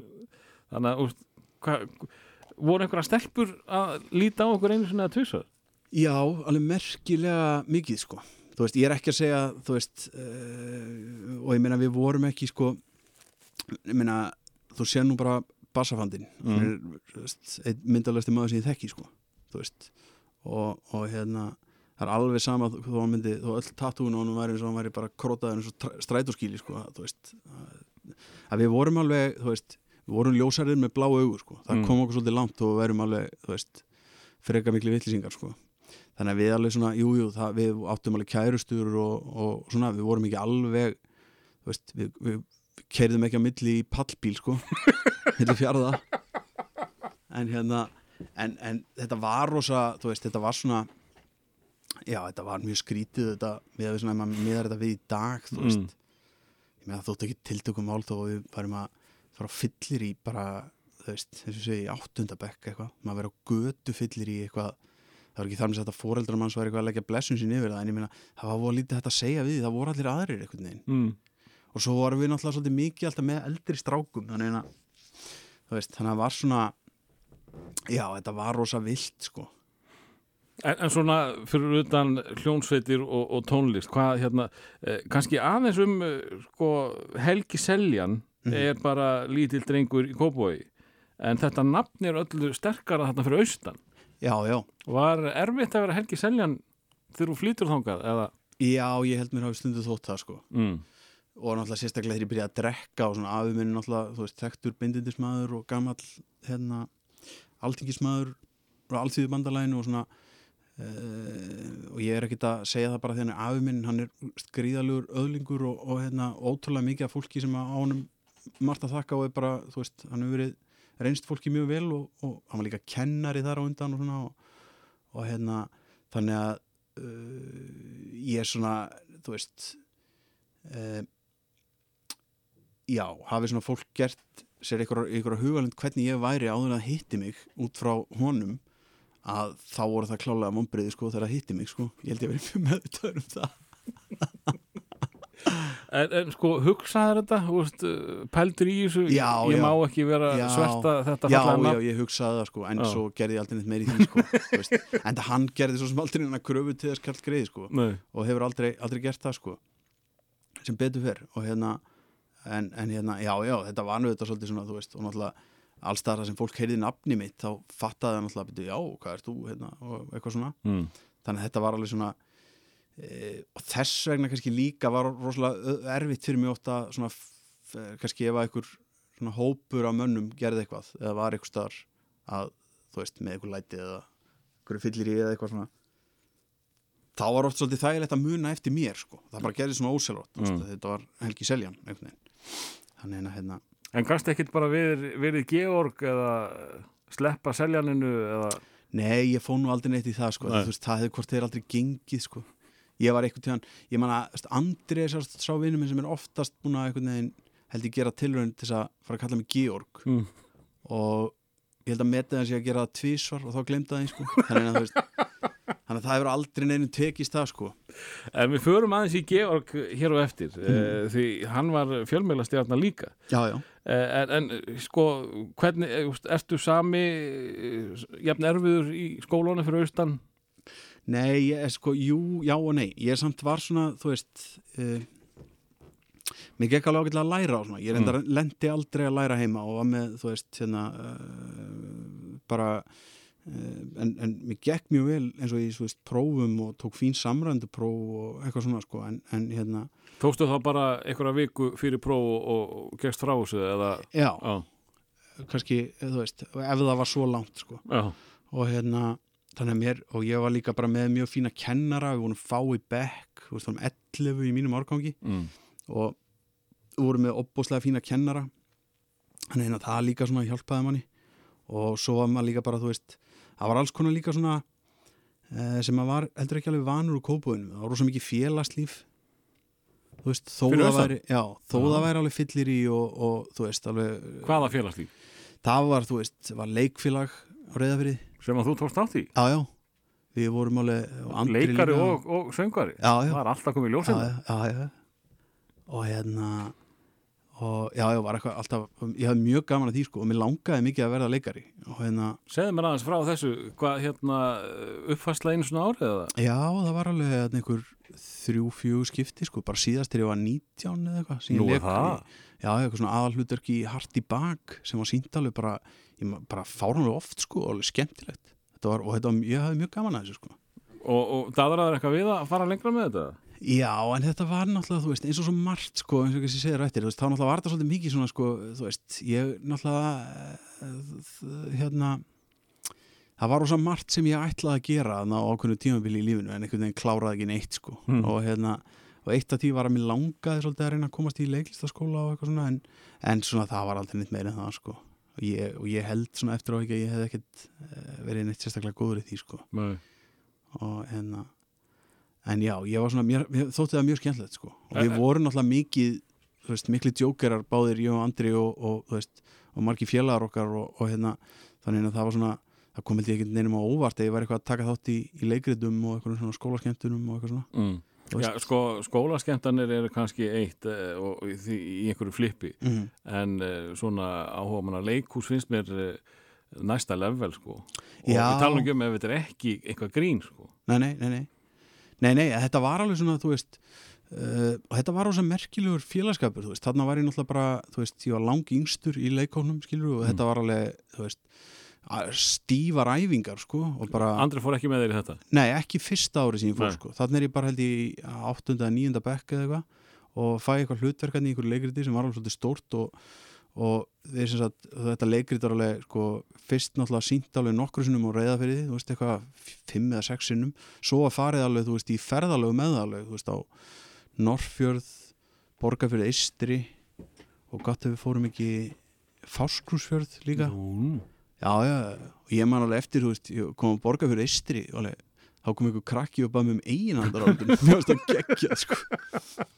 Og hérna, já, já, og svona, og, og svo var, þú veist, svo árið eftir þá var önnu leiksýning sem var svona, eh, eh, sem var svona sambland úr svona leikritum eftir Jónas Átnason og Jón Múla, eitthvað svona. Þá Mm. leikum við Andri báðir og hérna. hann hefur ekki satt með þetta Nei, Andri fór alveg á kostum, leik hana, við, svona, við leikum ykkur svona síldarkalla og, hann- og gæti hann muna texta Já, til dæmis sko ein línan hans var að hann sagt, átti svona að grípa fram í fyrir ykkur konu og fara með þessar hérna línur uh, Til eru fræ sem fengu þennan dóm. En hann einhvern veginn fólta þetta svona Til eru fræ sem fengu þennan dóm. Og mér finnst þetta alltaf svo ógeðslega fyndið. Og svo sprungu vel alltaf á hlátri sko en, en það svona sást ekkert. Og hérna e, þetta var svona eitt af því sem hann leik sko. Mm. og hérna og já, þetta var veist, já, þetta var rosa gaman sko. Og þarna líka kynntist maður fullt af fullónu fólki bara, var Já. með þeim bara, þú veist, á þú veist, þarna voru bara þú veist, ég Anna Páls sem var bara, þú veist, tæplega sjötug kona var að leika á móti mér, þú veist, þegar ég er bara 14 ára og ég er með, þú veist, og þetta eru alveg hvað þetta var, þú veist, einn og hálfur, tveir mánuðir sem að, þú veist, verða að æfa svona leikrit og svo sína það og eitthvað svona, það sem er færalega er, er mikið bara, eða öll kvöld meir og minna bara í samskiptum við þetta fólk og kynnist svona fólki allt öðru sér, sko. þú, þú, þú lærir frekar snemma að tala við fólk bara sem jafningja hvort það sé upp eða niður í aldri Já, ég... Þú getur ekki veist, sagt það? Jú, jú. Þú og með svo- að það sem Andri er að segja hérna og benda mér á að, þú varst með annan húma fyrir eldra fólkið, já. vittlisingunum fyrir yngra fólkið, Mhm. þannig að þú þú varst allan með þennan hæfileika að svona ná level við þá sem þú varst að ræða. Já, já, og alltaf finnst svona gaman að vera eitthvað með eitthvað sprell, sko. Mm.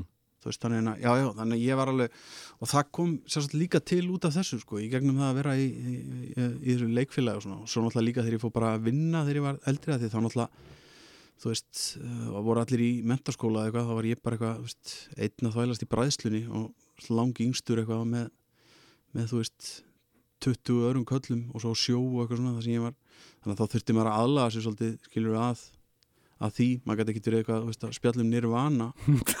Við Halla Jónasar sko, með fullir vinningu. Og veist maður frekar að spjallum hljóma en hérna meiri félags eh, hérna starfsemi, meira sem sagt félagsstarf? Já, ég var sko ég man nú ekki eftir miklu maður náttúrulega, þú veist, ég var eitthvað í íþróttum, ég var í glímu. Nú varst í glímu? Já, já, ég var, ég var með þess að vann eitthvað svona silfuvelun og Íslandsmeistarum úti í glímu þegar ég var, hvað er tíndabæk eða eitthvað?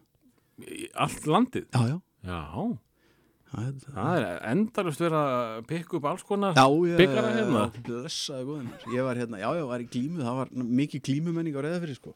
Mjög skemmtilegt. Það er alveg, hérna uh, Bróður hans pappa var svona gamalt svona glímukappi og hann var fór að kenna glímu og það bara fór alveg hálfu skólin að læra glímu og þetta var mjög gaman sko mm. eh, En hérna sko svona skemmtana líf er, er, er allt annað út á landi með Mhm. það sem að, hérna, er hérna í höfuborginni í það minnsta mm eh, og þú, þú ert búin að tala um að þið hafi verið að fá ykkur í hljómsveita keftum og eitthvað. -hmm. hvernig var eh, hversu snemma byrjuði þið að hafa gaman með, með jafnvel áfengi og, og hvað voruð það að gera?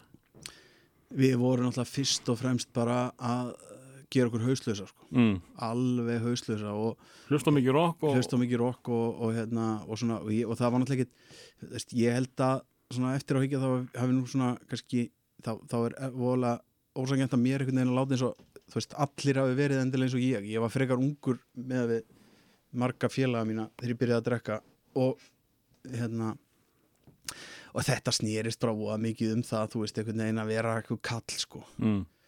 þú veist lendi í slagsmálum og Já, það var eitthvað- alveg þessi. já, já, eitthvað svona, þú veist, vera með eitthvað svona kallagróp kýli gegnum rúður og eitthvað og enda svo öskrandi blindfullur og grænjandi einhverstaðar hlaup út í sjó eða eitthvað svona þetta var, þú veist, og, og náttúrulega ekkert sniðut, sko, ég var Nei. bara ég held ég hafi verið já, þetta var bara eh, rétt árin í femtist eða eitthvað sem ég datt í það Já, og sem er alltaf bara ef maður sér krakka í dag sem er að að fermast maður bara pff, hvað maður að spá sko og hérna Af vísu er það mjög algengt sumarið eftir fermingu en fyrir fermingu er það ekki svo algengt sko. Nei, og mér finnst mér að segja einhvern veginn eins og þetta hafi hljóta að hafa að byrja fyrra því ég var ókslega mikið orðin upptekin aðeins mjög snemma sko mm.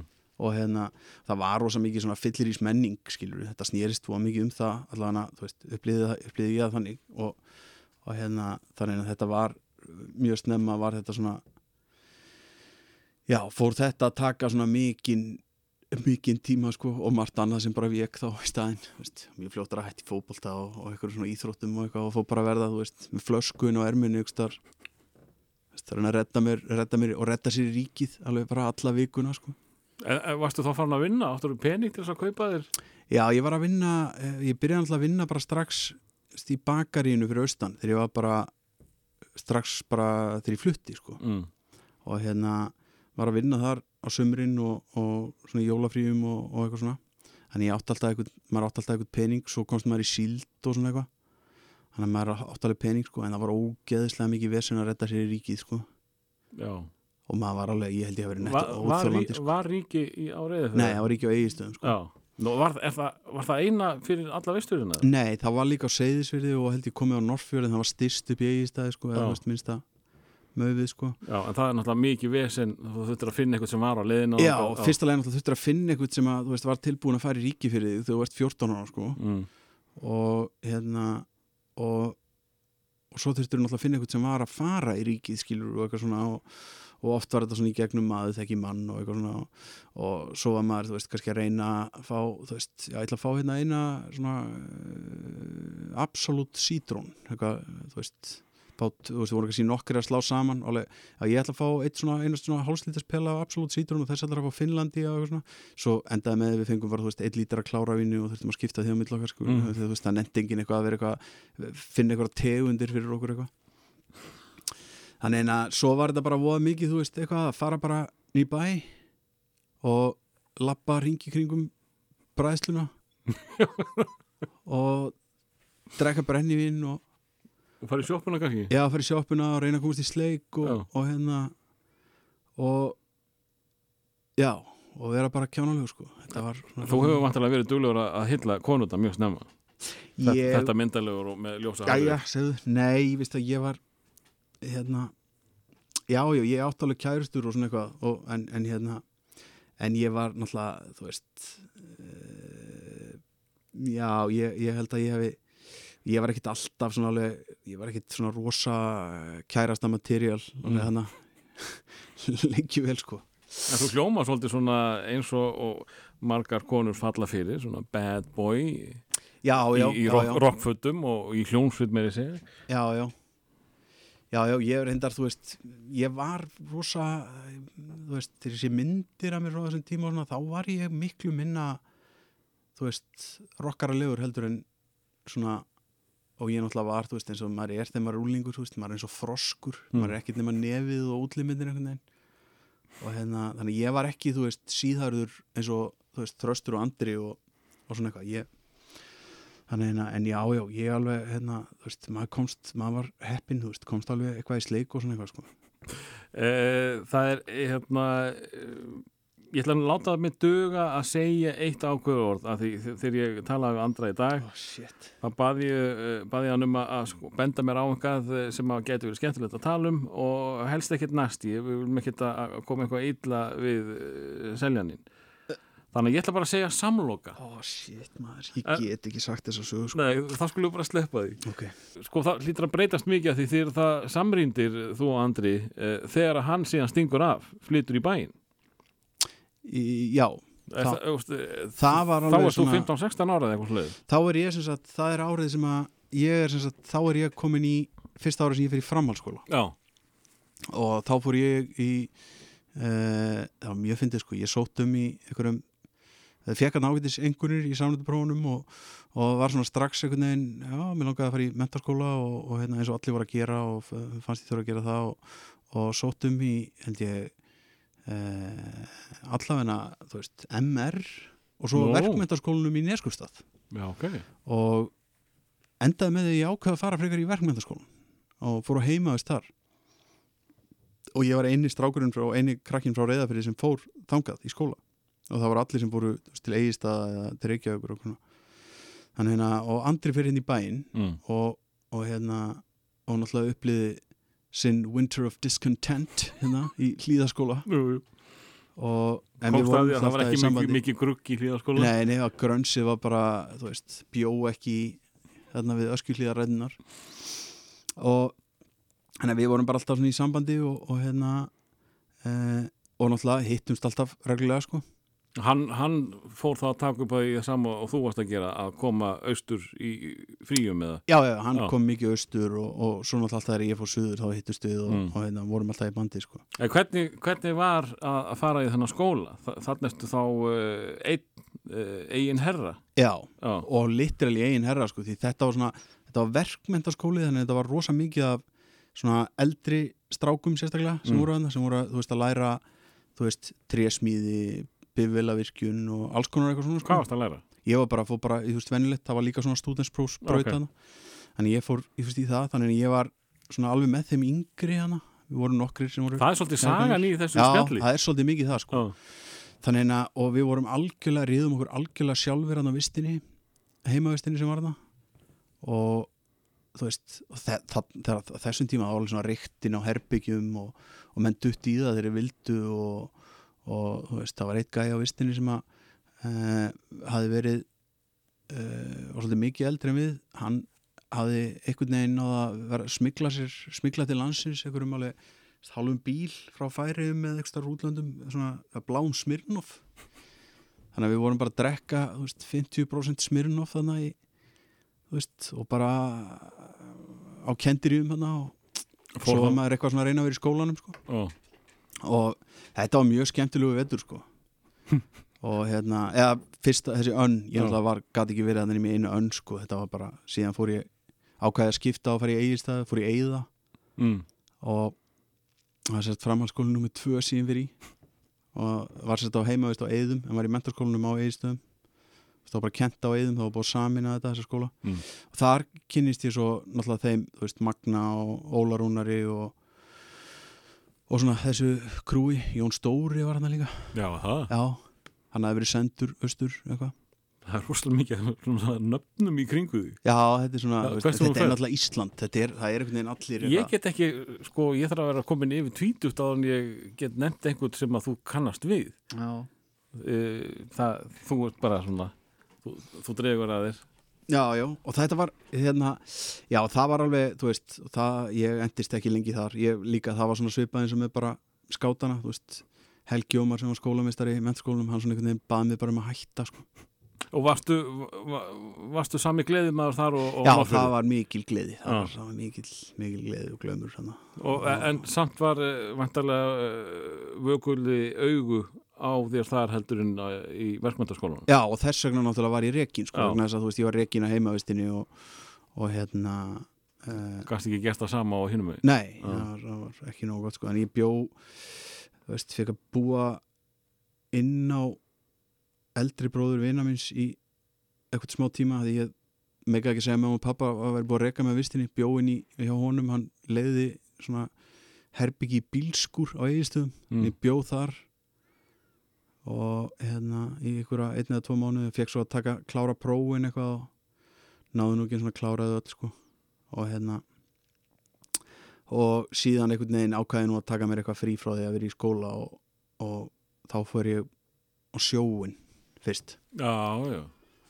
Var pappið þá ennþá á sjónum með e, já, nema þá var hann, hann pappi var mikið á sjó svona e, í útlöndum. Hann var í, þú veist, Rússlandi og, og flæmska hattinum og svona versmiðu skipum Það var samt á fiskiskipum. Já, já, já, alltaf. Þannig að ég fer á sjó og eski fyrir þarna fyrst og alltaf reyndar aldrei aftur að fóra á sjó. Það var ógeðslegt, ég var viðbjörslega sjóveikur fór náttúrulega, að ég var svo mikil kall þá náttúrulega fór ég beint á djamminu bara. Mhm. að, og ég þurfti mér þess að fara að pappi skuttlaði mér sko.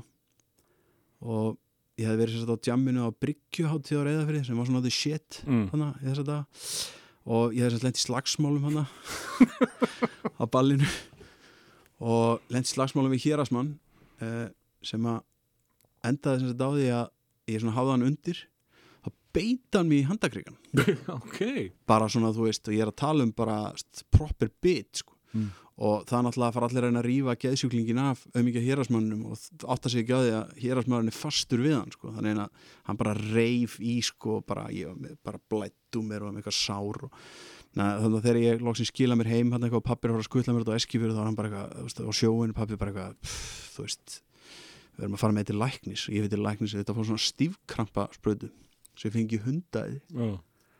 og hérna þannig að ég einhvern veginn mæti skítunnu náttúrulega einhvern veginn hann um borð og og ekkert voðalega sterkur í, í höndin allavega? Nei, nei og bara þú veist og náttúrulega bara uh, þú veist, beint út á sjó og er bara ógeðslega sjóveikur, náðu nú samt að vinna svona eitthvað og var mér nú ekki til stórkostlega skammar sko en bara þú veist ég er léttist um svona 6 kíló á viku eða eitthvað bara, þú veist, ældi öllu og svaf ekki neitt, maður svaf á gólfin í stakkagemslunni og, og var bara, þetta var hræðilegt sko. Ætlaði bara aldrei á sjó aftur sko. En svo fór ég nú reynda fljótlega aftur sko. En hérna en en, var svona var, var möguleiki á þessum tíma að þú myndi bara leggja þetta fyrir þig? Já, ég ætlaði að þú gera það. hefur dottið á sjóin löngu eftir að byrja í fjölmjölum og já, já, já. og ég, og eftir þetta fór ég og var á sjó meir og minna í hvað, 2-3 árið eitthvað. Já, og hérna og kunni rosa vel við það sko ég, og geri það ennþá sko mér finnst það rosa gaman sko Eh, af hverju hættur þú þá? uh, ég hluta til var að vegna þess að ég var að gera einhverja tilhöruna til að hætta að drekka hann eitthvað Mm. og þá hendaði ekki mjög vel að vera á sjónum náttúrulega hendaði rosa fínt að vera á sjónum ef maður er blöytur sko Mm. og hérna, það segir enginn eftir því þú dettir í það á þriðu degi út sjómaður sko. og eitthvað svona en þú veist, þetta var náttúrulega líka tengdist svolítið því og ég var svona eitthvað að reyna að gera eitthvað tilhöruna til að eitthvað svona minka tjamið á mér og fór í land og fór að vinna í netagerð og eskifyrði og eitthvað og, og svo einhvern veginn slísast ég eh, var búin að gera eitthvað tilhöruna til að fara í skóla og eitthvað og það gekk eitthvað ekki mjög vel sko. En þarna ertu alltaf í einhvers konar verkamanna, vinnu já, já. bara, sko, það er bara bakarið og síðan verkamaður Já, svo bara, þú veist, var ég að vinna í bræðslunni heima og, og, og svo sjónum. Og hérna mest þarna á sjónum eftir þetta. Og já, það var rosa skemmtilegt sko. Mm. og þess að meðan náttúrulega eru uh, eru allir vinnir mínir einhvern veginn bara fyrir sunnan eða eitthvað staðar í skólum flest allir sko, það voru mjög fáir þetta breyttir, reyða fyrir þannig staður sko þegar þú veist, þú býrði ekki þar eða þú ert í framhaldsskóla. Nei, þannig að þá flutta allir í burtu yfir veturinn veist. Þannig að við vorum kannski fjóri strákar eða eitthvað eftir á þessum aldri. Og hérna sem náttúrulega gerði þetta svolítið spes sko. Já, og hérna en það var, já, mjög gaman. Þannig að maður kynntist á fullt af öðru fólki og, og bara svona eh, og sérstaklega, þú veist, svo á sjónum kynntist maður alveg ótrúlega skemmtilegu fólki og eldri mönnum. Já, já, eldri Já. mönnum og, og var mjög gaman með, og hafði mjög gaman, þú veist e, þú veist, það er mjög skemmtilegur húmor og svona Er þetta þinn hómor? samfélög á sjó verða svona mjög skemmtileg já, og húmor á sjó er svolítið Er hann ekki svolítið harður og, og ljótur? Nei, hann er það nefnilega ekki alltaf sko. Og hann getur nefnilega verið alveg mjög nettur sko. mm. ég til dæmis, ég verið á báta sem að sko uh, upp á einhverju svona algjöru fönni þá hérna uh, gerist það eina þá gerist það svona var, uh, já, var eitthvað svona loðnuvertíð eða eitthvað sem við áttum allir til að bresta í söng það, það finnst mér strax og það, það, það, er bara, sko. það er bara svo fáranlega fyndið og þá erum við að tala um sko, mannst ekki eitthvað Armageddon hérna myndinni sem er hræðileg hérna Bruce Willis Jú, jú. bjargar heiminum með að fara að bóra í eitthvað eldnött og sprengja hann upp Ben Affleck og eitthvað að það er lag í henni sem heitir Leaving on a Jet Plane mm. og í Armageddon myndinni þá byrja allir gæðandi svona að syngja Alveg rétt, já Í góðu stuði. já, nema okkur fannst það svo viðbjörslega að fyndi að við byrjuðum að gera þetta. Og, og ég er að tala um sko bara kallar á aldrinum bara frá þú veist átján og upp í sko 50 eitthvað. Mm. vorum alltaf brest í söng að byrja að syngja þetta lag. Og þetta var bara úkla fyndið sko. Og hérna og svo náttúrulega var þú veist fósbræður er í gangi á þessum tíma og svona. Og ég bara náttúrulega drakk það í mig og þetta var svona voða mikið mikið djók og náttúrulega var alltaf með miklum djókurum á sjó sko. Bara Mm. einhverju finnustu menn sem ég hef verið með sko þannig að það var alltaf alveg ógeðslega gott grín í gangi og ekkert svona þú veist og alls ekki svona mikið svona kalla-kalla Er þú það ekki? nei, miklu minna heldur en menn halda sko. Já, mm. veist, allavega ekki þannig það sem ég hef verið jú, jú, þetta var svona sóða kjaftur á munnum veist, talaðan kettlingar og já, eitthvað já, eitthvað Og svona júllur. þú veist, já, já, júlur, Já. flottar júlur maður og eitthvað svona, en líka alveg svona golden moment, sko, ég man til dæmis eftir atviki, þú veist, ég, þegar ég er að byrja á, þegar ég er á sjó að þá er sko það var svona tímabilið að líða það sem að, þú veist, það var kveikt á klámynd í, Já, ok. í hérna, bara, þú veist kannski komið kvöld og, og ég var svona, náði svona í raskati á því, það sem að menn bara sita bara sex kallar og eru nýbúinir að borða og þú ert kannski bara með, þú veist pappa vinkonuðinnar eða bekkasýstuðinnar og þið siti bara á einhverjum bekk og eru nýbúin að borða og eru að stangu tönnunum og það er bara eitthvað sem situr klammynd í Þetta er rosalega skrítið what the fuck, hvað er í gangi hérna, sko? Og þetta var bara venjan þá einhverjum árum áður Já, ég meina þú veist, auðvitað voru ekkit allir sem er nefnt að sitja undir þessu, Nei, nei. sko, menn voru, þú veist, en, en þetta var alveg svona bara, þetta var alveg til, sko, mm.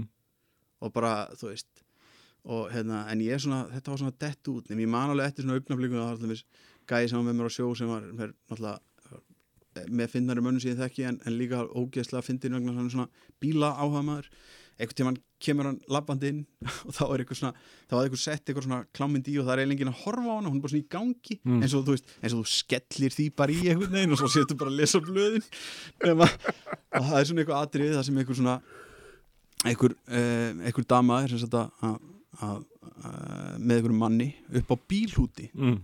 Og þá allt ínu kemur þessi maður inn og segir svona Nau, nau Hvort er þetta 68 eða 69 ár gerinn að Dodge og bara allir ha, það var hann að pæla í bílnum sko. Ekki því sem var að gerast ofan á hann þetta var eitthvað, þú veist, svona bara svo sem betur verið einhvern veginn þá ég hvað með þótti þetta bara weird fyrst sko, ekki það að ég hafi verið eitthvað svona prinsipmaður og að ég hafi eh, haft eitthvað svona anstíð á klámi. Mm. heldur bara því kannski að sitja með 20 mönnum sem kannski voru aldrei við pappa minn einhvern veginn yfir þessu eins og við værum bara að horfa á Die Hard sko. Já, nákvæmlega. En, en sko, sko sagan hérna frá því að þú uh, byrjar að vinna uh, þetta er sko, það hljómar eins og uh, það sé engin rosalegir frama draumar í kollinum á, á uh, seljarni litla.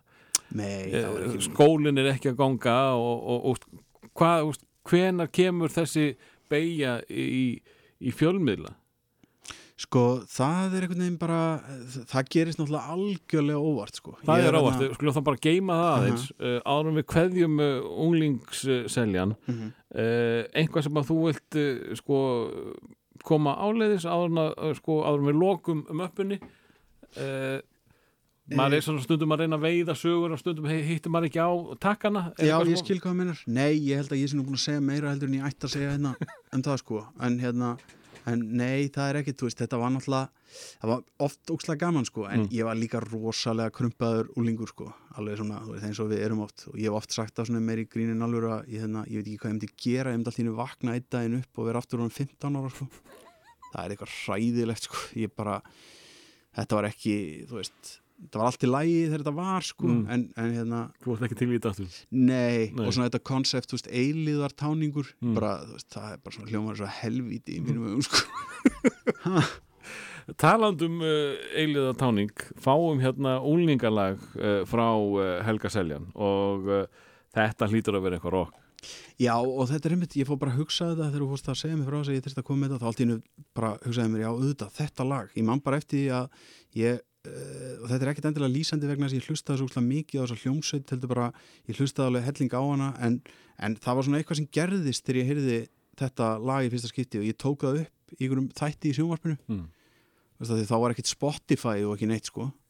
Mér finnst að þetta er líka svolítið góðu punktur sko, að því þegar ég var að taka upp þá tók ég bara fyrir útdarpinu þú ert allan að koma hann á, Já, á, á vídeolega ég náði einhvern veginn að smetla þessi í Vaffa og Esko sem var hérna, það var eitthvað svona rock þáttur sem var hérna í bilmingur sem Já, var hérna í stuttan tíma og sem man- engin mann eftir nema þið fyrir austan sko. Nei, nei, nákvæmlega, af því að ég held að það hafi verið markkópurinn sko. Og það var sem sagt ég náði og þetta var samt meðan ég bjó í kópóinum ég manni til því sko, Já, að, ok. ég, já, þá náði ég að taka upp þennan þátt og í þessum þætti voru þrjú eða fjögur lög, eh, veist, eitthvað með skidró sem ég fannst hundleðilegt, mölli krúlag sem var svona ekki besta mölli krúlagið og svo þetta lag og myndbandið einhvern veginn ánum ferðangað uh, að því, sko, ég er náttúrulega búin að tala við andra uh, um þetta. Mhm. uh, sko, ef það var rock þá var það í lagi. Uh, þú, þú varst meira pikki á það. Þú, talar um Skidró og ég er alveg vissum að hann hafi elskað Skidró Já, og, ég elska alveg Skidró en það var bara ekki gott Já, lag með Skidró ok. sem var þarna. Skilut og ég, ég var alveg, já já, fílaði alveg Skidró og ég var miklu meira soft heldur en hann sko. Mm. og ég tala nú ekki um Birkir sem bara, þú veist var bara harðasta shit ever sko, hann og Þröstur sérstaklega sko. mm.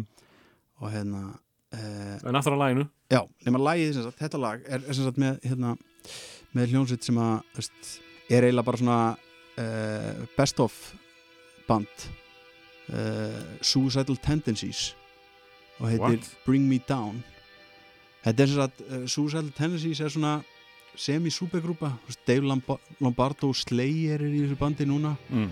Hann var ekki í þá, þá var hann að er þetta til sem já, hvað hann hétt hann að uh, Trujillo eða Trujillo eða sem er um bassaleikari, geira. núna bassaleikari í Metallica já, já, eitthvað svoleiðis og hérna uh, hann var í þessu bandi og þetta eru svona já, hispanic thrash metal gæjar sem er alveg bara frá LA alveg geggjaðir sko. Mm. og menn verður eiginlega að tjekka á þessu myndbandi á YouTube sko. þetta er alveg crazy sko. Ég horfði á þetta svona cirka svona 70.000 sinnum sko. Já. og bara og alveg hreyfingarnar og þetta er svona mjög leik, leikræni tilbúrur í þessu myndbandi alveg. varst þú búin að mastera þetta eins og Andri var búin að mastera Rósina já, Já. algjörlega og hvað heitir þetta lag? Þetta heitir uh, Bring Me Down eða You Can't Bring Me Down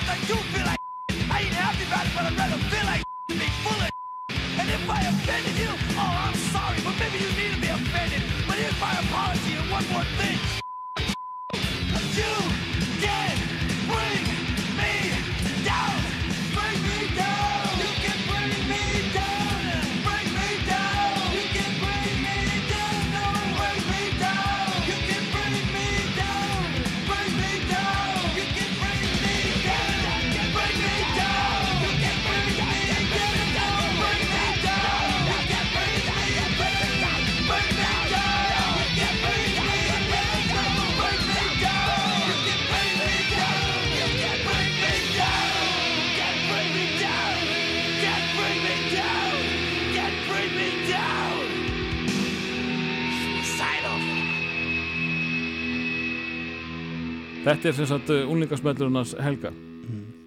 Og við ætlum svona aðeins að kveðja þennan Helga uh, færa okkar aðeins yfir í þann Helga sem að kannski þjóðin þekkir betur. Uh, sko sjómannahelgi sko vinslustöðarhelgi eða, eða fristúshelgi, bakaríshelgi.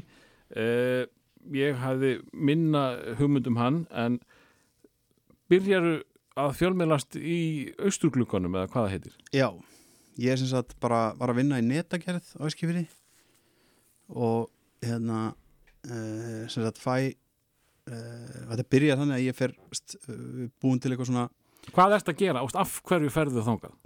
uh, að því ég var í afleysingum ég var að vinna þar og svo var ég að leysa af á bátunum á Eskifiri svona eitthvað, vildi Mm. ekki alveg vera á sjónum og var svona eitthvað Eitthvað reyna að minga drikki Já, já, þetta snýrist allt voða mikið um það í svolítið mörg ár sko, ég var veginn svona annarkvort þú veist, uh, já uh, að hérna, nýbúin að þurka mig upp eða einhvern veginn að, reyna það eitthvað mm. og hérna, nema sérst ég fer þarna já, er að vinna þarna og við ákveðum sérst þarna nokkri strákar að, og svona einhver hópur að stopna uh, svona pólitíst frambúð Já, fórum í bæjastjórn alveg ég var kosin í bæjastjórn og við næstu náðum með því feldum sko 50 ára gamlan allaballa meiri hluta á neskupstaðu í fjárðabið og komist í bæjastjórn og komist í tveir í bæjastjórn sko, gekk miklu betur heldur en veist, uh, þorðum að vona sko. Hvað hefði ykkar listi aftur? Biðlistin Þetta var alveg svona ævintýri sko. En, en úst, varstu þó orðin svona uh, politist þengjandi eða var þetta flip? Þetta var alveg svona eh, 90% flip sko. En, þú, þú hafður eitthvað, eitthvað vit á þessu? Þú, Já, ég er svona allavega þú ert ekki bara búið hérna, sko, lofa Miranda aftur og, og Vassarinubraut til Keflavík og frá Reykjavík? Nei, nei, en þetta snýrist tóða mikið um, þú veist, svona, þetta var alveg svona e, verulega populist, sko, bara, Mm. hérna, fólki fengi bara ráða þessu sjálft, bara, þetta er bara að vera íbúðalýðræði og, og hérna, hætta, hérna, ráði yfir fólkinu og við vorum svona anarkistar og, og svona, vildum koma upp bara, þú veist, fórum með mjög metnaða fulla stefnusgrá, hvað það var það, sko, og hérna, og uh, þannig að þetta var svona, hérna, uh, já, og svo svona náði maður bara, náði ég svolítið að búlsita mig í gegnum svona þessar þessar frambóðsfundi og, og svona þetta og fann líka bara þá og þá einhvern veginn áttaði mig svolítið á því að það sem maður hafði alltaf borið svona rosa mikla virðingu fyrir þú veist svona einhverju það er kannski ekki alltaf borið rosa mikla virðingu fyrir yfirvaldi og eitthvað svona en, en, en þá fattaði ég að þetta er rosa mikið búlsitt sko mm. þú veist, er miklu meira heldur en ég er ekki að segja þú veist, það er fullt af fólki sem er í pólitík og meiri hlutin af fólki sem að villur umverulega gera eitthvað gott og eitthvað en, svona en þú getur talaði út úr þessu Já, já, og þú getur búlsittað í gegnum Já. og látið fólk halda hluti séu miklu flóknar en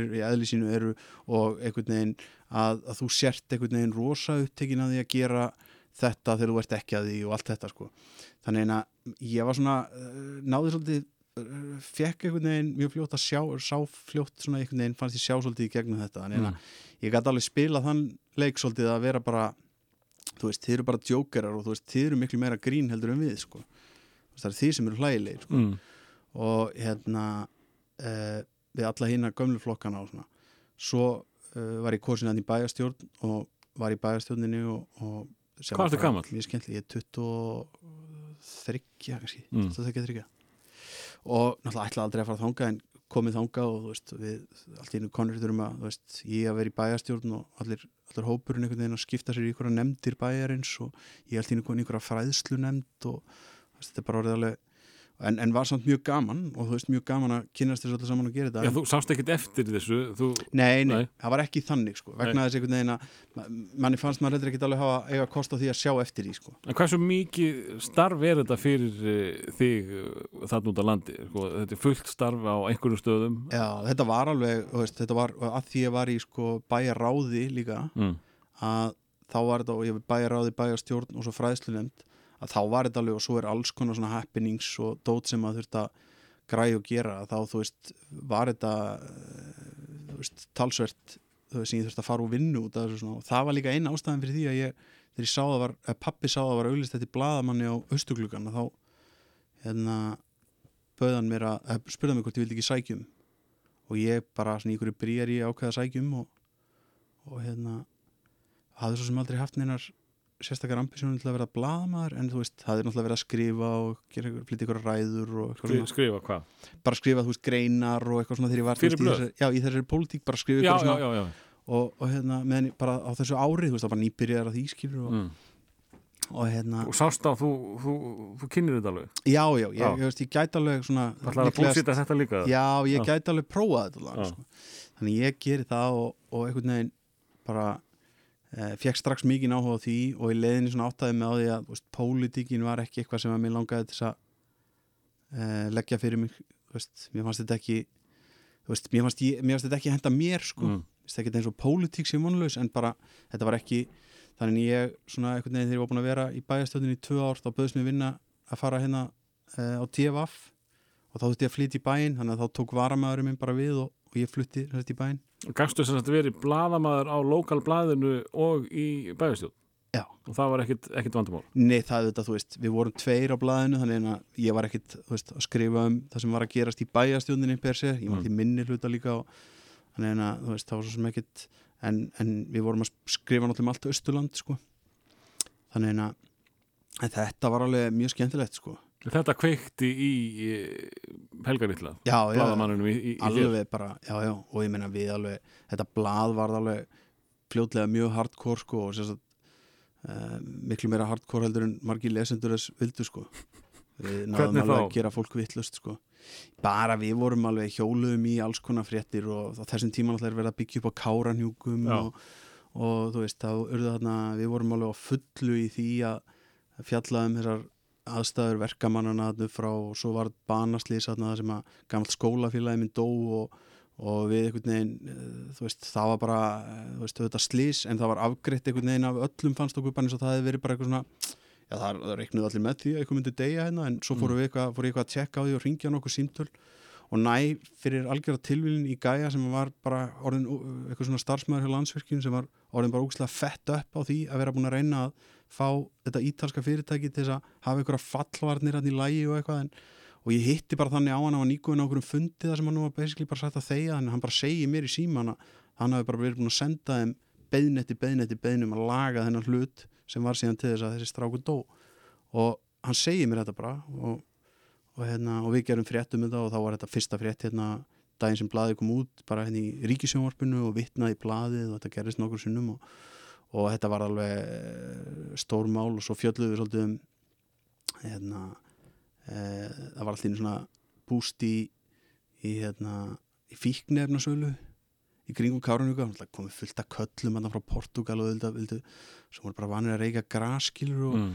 þá allt í einu var farið að þú veist, keira hass í bílförmum hann uppbyttir til að selja þeim og eitthvað svona og bara, þú veist, eitthvað aðeins að fjallum þetta og sem var bara mjög, þetta var mjög eðlilegt að þetta myndi gerast. Þetta er náttúrulega, það er ekki mjög oft sem að, sem að hérna, svona hérasblöð uh, fá fyrstu frétt í, í ríkisútarpinu Nei, nei, og þetta náttúrulega gerðist þannig nokkur sem svo náttúrulega kemur líkvöndamálið og það er svona, þú veist. Stöldrum aðeins við það uh -huh. vegna þess að, eh, sko, það, hérna, það er með sér búa, búa til myndum þetta og eitthvað. Mm e, Þetta heyrist fyrst í þætti hjá Andra Frey Viðarsinni Já, já þá er hann Freysi mm sem er einhver svona sóða-DJ Já, já, og uh, einn af hans uh, félögum sem að koma nálægt þessum þætti er Georg eða Goggi. Gokki og, og hérna og þar, veist þar heyri ég fyrst í þér. Já, og fyrst um þig, ég er náttúrulega búin að þekki andra miklu lengur en þig. Uh, og þá segir hann mér að- að þessi goggi sé vinu sinn og, og, og hann sé að leika einhverja típur þarna og eitthvað svo mhm. Uh, getur aðeins svona farið í gegnum það sko að því þið voruð aðlega bara í einhverju flippu og einhverju ruggli já, já, og svo allt í einu erst þú bara með þarna gjallarhótt fyrir já, ansi stóran hlut uh, þjóðarinnar. Já, já og bara þú veist, þetta var, þetta var náttúrulega mjög fyndið. Þetta er þannig sko að Andri byrja með hennan þátt og laði mikið upp úr því og mér fannst það mega fullkomin sens hjá hann þá að, að, hérna, að hann ætlaði ekki bara að eyða, eyðilegja andra karati eða vera sem var töffarinn. sem var töffarinn í þennan gæja hann eina Freysi spilaði Ramstein og eitthvað Já, og hann bara vildi sko ekki að Andri Karati var að spila Ramstein Nei, þannig að hann byrja með þetta og, og fljótlega byrjar svona hérna já, byrjar eitthvað grín eh, ég man ekki hvernig það byrjaði að, að hérna að þetta eru aðalega ég og uh, Búi Bentsen og Frosti sem fyrir að ringja sem hann fyrir að ringja í og við þykjumst fyrir að ringja inn og, og slúður dagsins að Já, hvað eitthvað hétt eitthvað. og svona, alveg kom Andrei alveg rosa vandræði maður, fórum eitthvað uh, hérna eitthvað ljótt með Birgitu Haugdal Já, svörtum já, fötum. alveg hræðilegt með lögum byggum til einhverja, legasögum það að Jónsi í svörtum fötum hefði hent háreðingakremi í hausin og Birgitu Haugdal blindfullunni í borgarleikusi og það var búið að fella niður einhverja sýning á grís. Það var eitthvað svona þetta var bara eitthvað algjörlega random rugg sko. nema það var allt vitlust Andri neittist til að byggja ekki neittist náttúrulega bara eðlilega þurft að byggja Jónsa og Birgitu afsökunar en okkur fannst þetta bara svo ótrúlega fara og, og ég heldum allir vissi það fyrir að fyrst að Jónsi drikki ekki mm. og, og eitthvað svona og, þú veist, og þetta myndi aldrei gerast það myndi ekki fara að trúa þessu en það greinilega kannski ekki var það kannski ekki aðalmálið heldur bara það við verðum að segja þetta um fólkið Nákvæmlega. Eh, Sko, Goggi var einhver karakter, svo var einhver karakter sem að talaði bara í frösum uh, úr bubbatekstu. Já, Bubbi Jóns. Já, sem alltaf var eitthvað Já, það er kill átt kvöldi fjörðin hérna maður. Eitthvað bara, þú veist. Ég get sagt þér það að það eru þúsund þoskar á færibandinu og þeir eru að þokast nær. Alveg bara alltaf með eitthvað svona.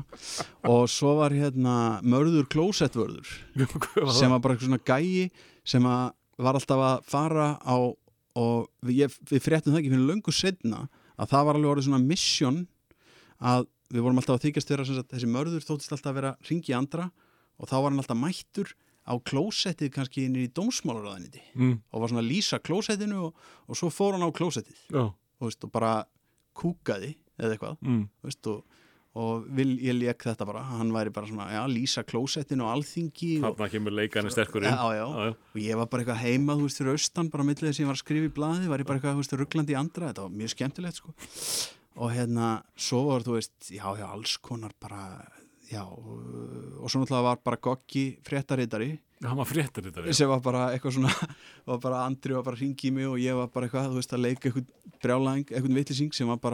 veist, segja honum einhverja fréttir sem voru bara veist, upp úr austuglugganum eða eitthvað bara eitthvað svona fyndið, sko Mm.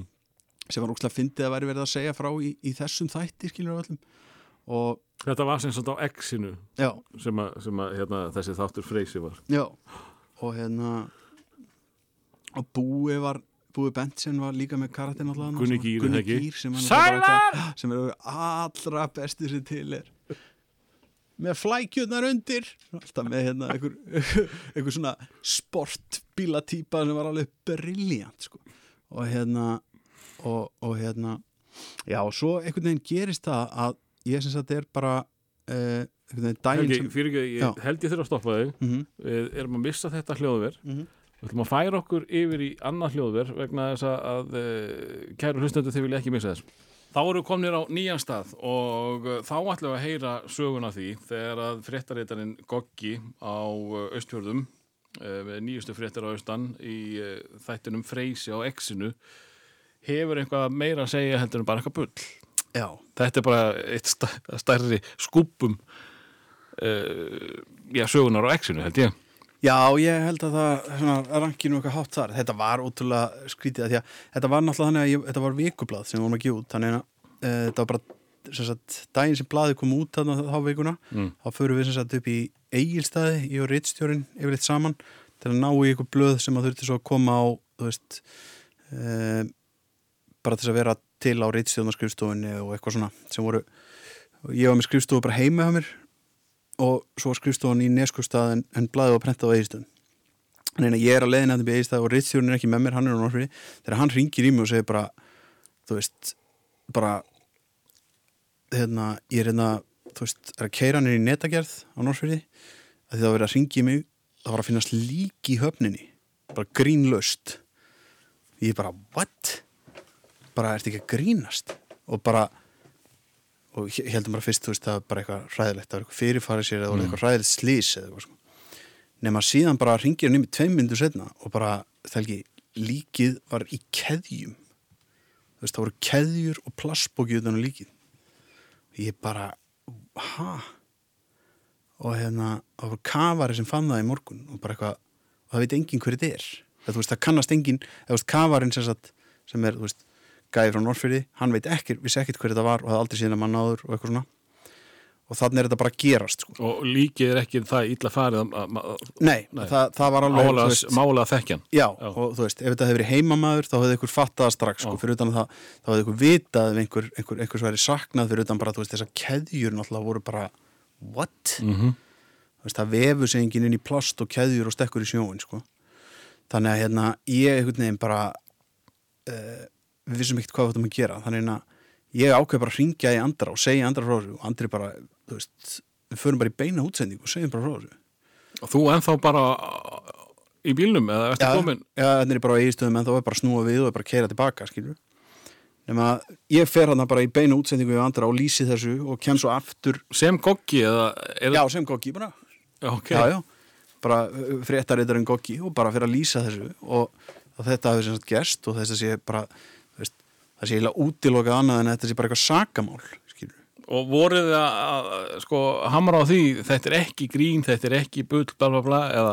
Ég, vil, ég held að, ég held að ég hef alveg sagt það en það var ekki þannig að við værum eitthvað að, að þú veist þetta er ekki djók sko. Þetta er bara, þú veist, var þetta bara svona í minningunni þá fórum við bara svona mjög systematist í gegnum þetta því ég var búin að segja andra svona undan og ofan að þessu áður en hann sérst að ringir í mig að ég ætla að ringi eitt símtali í, í svona uh, middiltíðinni og láta hann býða í tvær myndur og hann myndi ringi í mig til að tjekka á einhverjum einu díteli viðbóta að tókast að var eitthvað annað að frétta og eitthvað svona.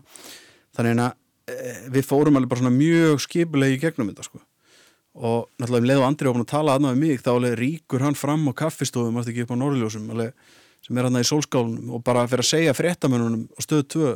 Reikblásið þarna já, já, inn í reikblásinu, bara frá þessu. Og þeir bara eitthvað svona já, ég held mér sem ég hef verið þarna sko. ég var alveg með hinnum í liði já ég, en það, þú veist, af hverju áttu ykkur að fara að taka marka á þessu nema síðan kem ég inn hann að tvísvar eða þrísvar í viðbútt í þættinum og er að segja frá einhverju nýju sem er að gerast sem sagt þá þú veist, nýjum dítelum sem sagt um bara líkfundin og þú veist, það sé bara búið að kalla til laurugluna, þess að einhverja lauruglu rannsóknardild úr Reykjavík að þetta sé greinilega bara sakamál sko. mm. og það alveg og Andri er alltaf reglulega að fara fram og segja einhvern frá þessu, það trúir svona alltaf engin nema enda með því að kvati hérna, sem var á FM Mm. var þá eitthvað að byrja að vinna sem fréttamaður var að vinna á stöð 2 og hann er semst sendur niður til þess að bara, þú veist, Andri er hérna eitthvað strákurinn hann á X-inu er eitthvað fýblið þarna. þarna er alltaf að segja eitthvað til að tjekka á þessu eitthvað. Þannig að kvati kemur niður alveg og þekkt alveg andra eins og alveg, sko, Andri, hérna, ekki vera að ljúa, þú veist, þetta er ekki þú veist, og Andri bara, ég er ekki að ljúa og bara, og, og ég man hann hringdi í mig, hvað þið? nei, Andri Mm. til þess að ég geti talað við kvata bara til þess að átta þess að þetta væri ekki lí Mm. og þá, þú veist, fer allt í gang, sko var engin annar fjölmiðl komin í þetta? Ég veit ekki hvernig röðin var á því að því ég er náttúrulega manningalega, en nei, ég held að svo hafi bara bylgjan, þú veist, sagt frá þessu bara í næsta fréttatíma, bara á eftir þetta gerist allt bara á svona einhverjum rúmum klukkutíma eða eitthvað. Og hérna síðan er ég bara komin á Norrfjörð og síðan eru við bara uh, þú veist, ég var á hækjum þetta var, alveg rétt. Ég var sko báðar fætunar í gifsi því ég var eitthvað svona aðgerð á fótunum á mér. Já, ok, og bara, þú veist ekki bara, besti skóbúnaðurinn fyrir að hanga nýra á og bryggju þú veist, og niður á bryggjum miðan vetur, það sem við vorum eitthvað þú veist, að reyna að hanga og reyna að hitta fólk og bara, þetta var bara, þú veist þetta voru þrýr sólaringar bara eitthvað í mayhem veist, og, og kannski mannstætti að komu gæjar frá þá, uh, var eitthvað svona upp, einhver- kom upp eitthvað svona saga mjög fljótlega um að þetta geti verið norskur sjómaður. Og hérna uh, uh, að því það er eitthvað norskur bátur verið þannig í landi. Mm. og þannig að bara áður við vissum af þá komum bara, veist, tveir blaðamenn og ljósmyndari frá Verdens gang í Nóri mætti til Neskostar og þeir fengu aðstöðu hjá okkur og við vorum, þeir voru að í tvo daga með okkur og ljósmyndarinn myndaði helling fyrir okkur, við geggjaði ljósmyndari og meðal annars forsíðun á næsta Ístukluga sem var svona sviðsett mynd geggjuð mynd sem er tekin svona við á netagerabyrginni sem að tveir menn haldi ykkur svona á milli sín, tekin á mikill í fjalla sem er rosa dökk mynd og eins og þessi að fara að henda ykkur í sjóin þessi mynd náttúrulega ger allt vittlust vegna þess náttúrulega á sama tíma náttúrulega er að koma í ljósa þetta var náttúrulega þú veist, heimamaður sem að veist, og bara gamall félagi okkar skilur, veist, Gretar Sigurðarsson Gretar líkmaður greið, veist, var bara svona gæi sem við vorum búin að vera þekkja sem við vorum úlingar og djamma með og bara félagi okkar sko. Þannig að hérna þegar einhvern veginn svona máli vindur upp á sig og ég svona skrifaði svo um þetta grein hann að vikuna eftir, það sem ég lísti í svona einhvern veginn að smá saman fer, fer maður að heyra nafni hans, að hann hafi verið í bænum og það verið ykkur gæjar með honum. Mm. og þetta verður allt saman eitthvað svona mjög skrítið og í fyrstu fannst manni það nú ekkit eitthvað svona nema svo fær maður að fá eitthvað svona hint um það að það sé eitthvað mjög skrítið við þessa heimsókn hans og svo eitthvað að vinna hans hann á austur sko. Og þá einhvern veginn svona fer allt einhvern veginn að og ég man ekki, held ég að mér þess að ringt í Gretar sjálfur og, og þá einhvern veginn ég heyrði það bara mjög fljótlega á hann að þetta var eitthvað mjög skrítið sko þannig ég einhvern veginn svona bara fuck. Og svo bara daginn eftir eða eitthvað þá er það var annarkvort gaf hann sig fram við laurugna eða var handtekinn eða eitthvað svona sko. Þetta er náttúrulega magna sko eh, að vera að skúpa þessu í svona þætti og já, eðlilega voru fréttamenn stöð og töðu bylginar lengi að taka marka á Já, hann þeir voru bara, þú veist svo náttúrulega, þú veist, voru bara allir fjölmiðla landsins í sambandi við okkur eftir þetta veist, við vorum bara fullu að svara í síman og að reyna einhvern veginn að hjálpa þeim og, og einhvern veginn, þú veist þennan dag hérna og næstu dag á eftir, sko. En þetta var alveg og svo var ég alltaf að detta inn hjá andra líka daginn eftir og eitthvað svona. En þú veist, hérna, fór það ekki svolítið gleðin úr gonga, karakterinum? Jú, ég meina hann alltaf goggi var bara allt í hennu, þú veist, ég veginn þannig að Hættur að tala aðstæðlega og... Já, já, hættir að bulla eitthvað en, en hini karakterandi duttu nú alveg áfram inn sko. Já, já. og Goggi held alveg áfram að fara í veist, frún í Hamburg við Stján og Sofí og svona eitthvað sem alltaf fastu liðu líka náttúrulega sem var eitthvað svona eiginlega e- eitt af skemmtilegasta sem við gerðum sko. Alveg rétt. að þegar Stján og Sofía voru svo oft með okkur og svo náttúrulega þegar ég var komin í bæinn og ég kom náttúrulega oft í bæinn og var hjá andra þá var ég með honum kannski, þú veist, nokkra daga í útarpinu bara upp frá og þá duttu Stján og Sofía í heimsókn og þá var tekið alveg sleið í mót Mm. í hérna, Kvísluleikurinn líka? já, kvísluleikurinn. Og svo vorum við, svo náttúrulega hérna, sjómannskeppnin sem við fórum í við tvíhöða. Hún var kekkja skemmtileg, sko. Ég veit ekki fórum í svona sjómannsmót við tvíhöða. Ég skoruðum á tvíhöða í sjómann. Þeir voru þarna uh, hvort þeir voru á eftir andra eða undan, ég man ekki hvort andri var á mótnana þá eða setnipartin, það er uh, ekkert hann. Nema þeir uh, hérna uh, þeir eru eitthvað kvartað yfir því að það væri eitthvað alltaf mikið rusl í stúdíónu eftir okkur eða við eftir þá eitthvað þannig að við skoruðum á það í sjómann og daginn eftir á keftum við við það í sjómann Og tóka þeir þátt í því? já, já, Já. Ég maður Sigur Jón var alveg grút mátlus en Jón var alveg viðbjóðslega sterkur með vinstri manni. Hann kom okkur alveg rosa óvart sko. og hann var ekkert að grínast neitt sko. Sigur Jón var svona eitthvað, já, já, ha, ha, kom inn í sjómann og svo var alveg, var, hérna, voru eitthvað að lýsa þessu og eitthvað svona. En, en Jón var alveg bara, hann var for real með þetta. Uh, upp úr þessu þá, þá fara aðrir fjölmilar að- pissa utan í því. Er það bara DFF?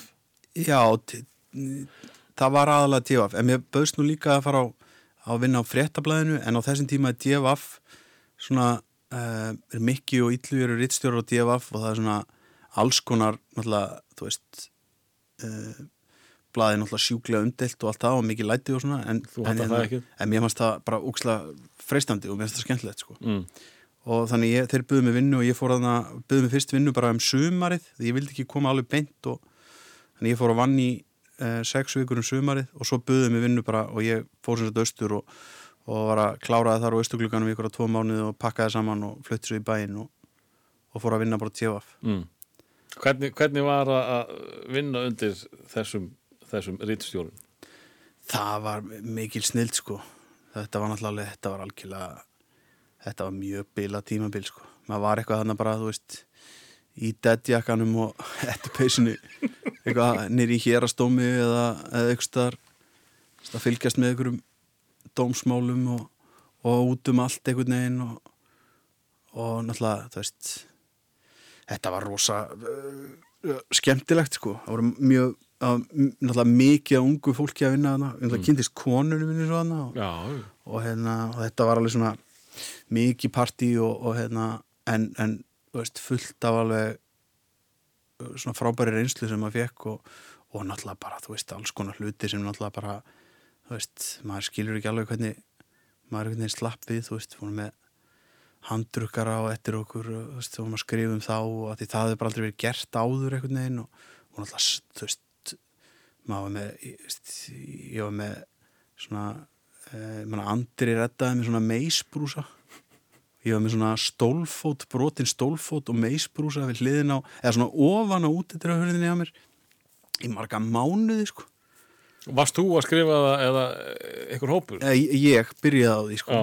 Og nafngreindi þá hann hérna Anþór hérna. Í fyrsta skipti? já og hann var ekki sáttur sko og hérna var brjálaður og bara þú veist ég bara, veist, ég, úf, ég fæði alveg svona bara hrollir í hugsunna þegar hann ringdi í mig sko og hérna ég var með löggu vakt fyrir utan heima á mér í ykkur nokkra daga og svo hann alveg let sér hafa það samt alveg rúnt að hann var á svona stórum svona F150 eða hvað þetta heitir þessi stóru svona amerísku pallbílar. Mm.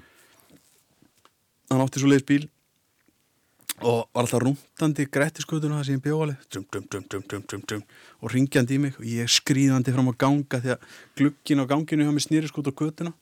En ég vil alltaf fara út á gang. Ágústa Eva bjóði hliðina mér og ég var einmitt alltaf að læsa mig úti og Ágústa Greið vill alltaf að hleyf mér inn. Hún og vinkonur og voru að vera geðveikar á mig sko. alltaf á nóttinni. Gokkin að mæta res á ölstofinni Þið eru að hlusta á Greenland uh, þar sem við erum að, að, að ræða uh, líkfundi og, og, handrökkara en, en hérna uh, En það má alveg bæta því við sko Anþór, Anþór við sömdum frið svo eða þú veist sömdum frið. Ég náttúrulega hefði verið til að semja frið við hann bara enn í dag ef hann hefði náð mér sko. En, en hérna, en hann, við hittum svo senna og, og, og hann bað mig afsökunar á því að hafa, hafa verið að hrella mig eins og hann orðaði það. Og hérna þá var hann árin edru kallinn og mjög gaman að spjalla við hann sko. Áhugaveru karakter við þetta fórstu beint í harðar fréttir hjá DFF Já, þú, það, þú veist eins og reglan er oft að þetta yngra fólk fari í einhverja popfréttir og vinni sig upp í harðari efni. Já, nei það var alveg bara hérna beint í sprautuna bara. Það var alveg en þetta var, já, já, það var alveg og, veist, og bara, og það var alveg ótrúlega mikill skóli og ég var hérna í hvað ár eða eitthvað mm. og hérna og þetta var ógeðslega skemmtilegt og við gerðum margt alveg veist, mjög gott aðna og svo náttúrulega var einhvern veginn svona uh, var náttúrulega smá saman allt vittlust einhvern veginn í kringum blaði og rétt eftir að ég hætti náttúrulega þá gerast öll þessi læti þá einhvern veginn fann þjóðin hjá sér þörf til þess að fara halda með enninum barnanýðingnum einhvern veginn og kostna blaðsins og þá var það einhvern veginn hálfpartin lagt niður sko. Mm. en hérna, en þetta var rosa góðu skóli og skemmtilegt sko. Eh, en þarna ertu bara búin að vera í, í, sagt, eh, að skrifa uh uh, komst þú eitthvað við á NFS?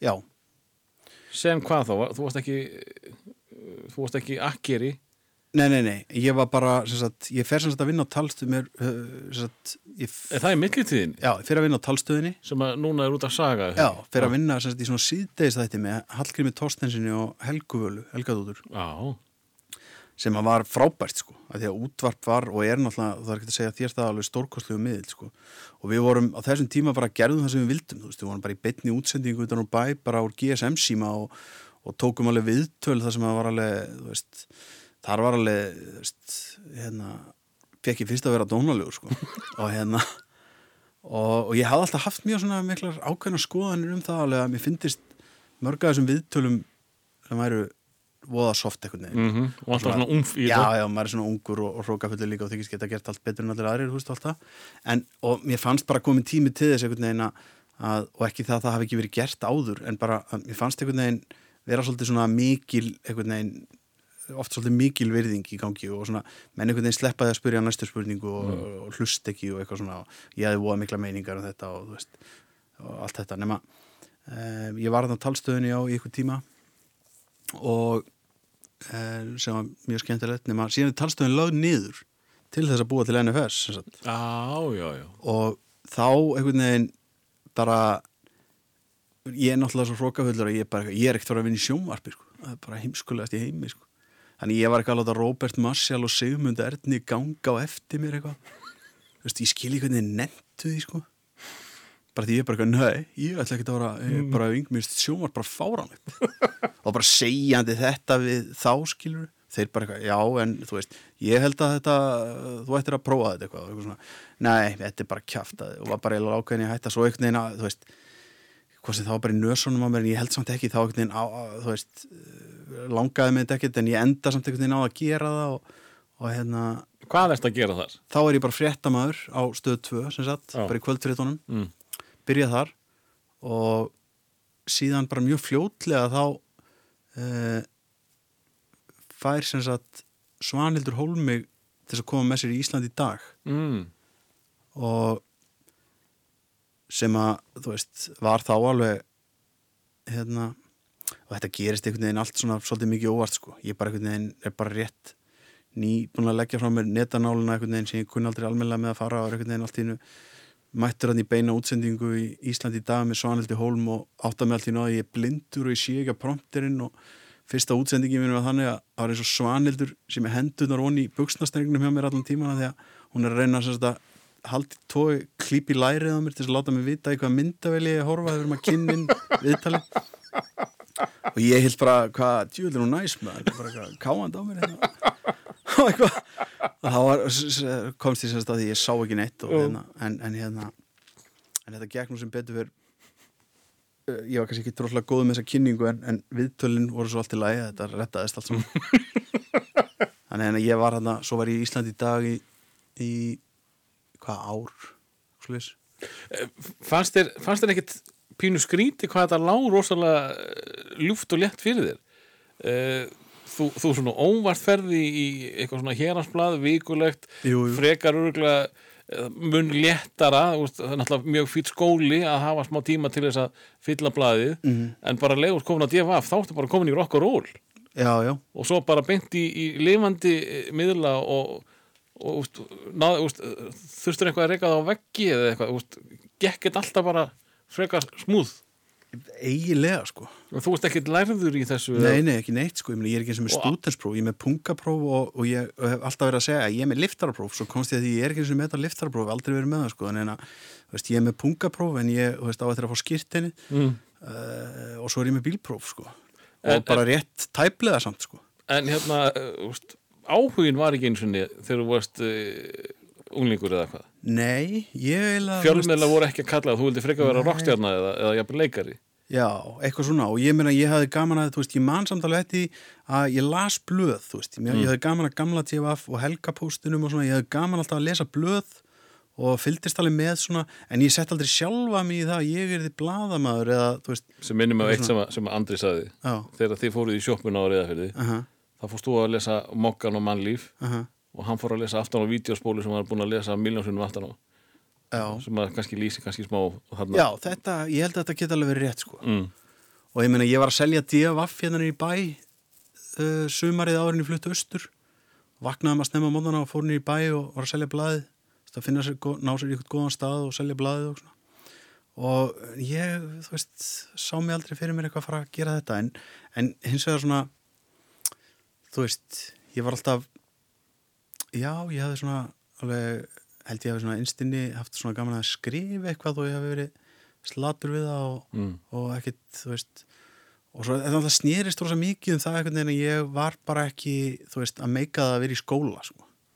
og það var alltaf, ég var alltaf einhvern veginn að rempast við það að klára það svo þegar það gekk ekki og þú veist, þá bara þú veist, langaði ekki að gera neitt og bara einhvern veginn óvart endaði þannig Hefur það eitthvað komið niður á þér? Hefur, sko, hefur hérna eh, hafa þeir sem vorst að tala við eh, vilja ekki taka markaðar því þú veist ekki meina eh, nema hérna neina diplómu?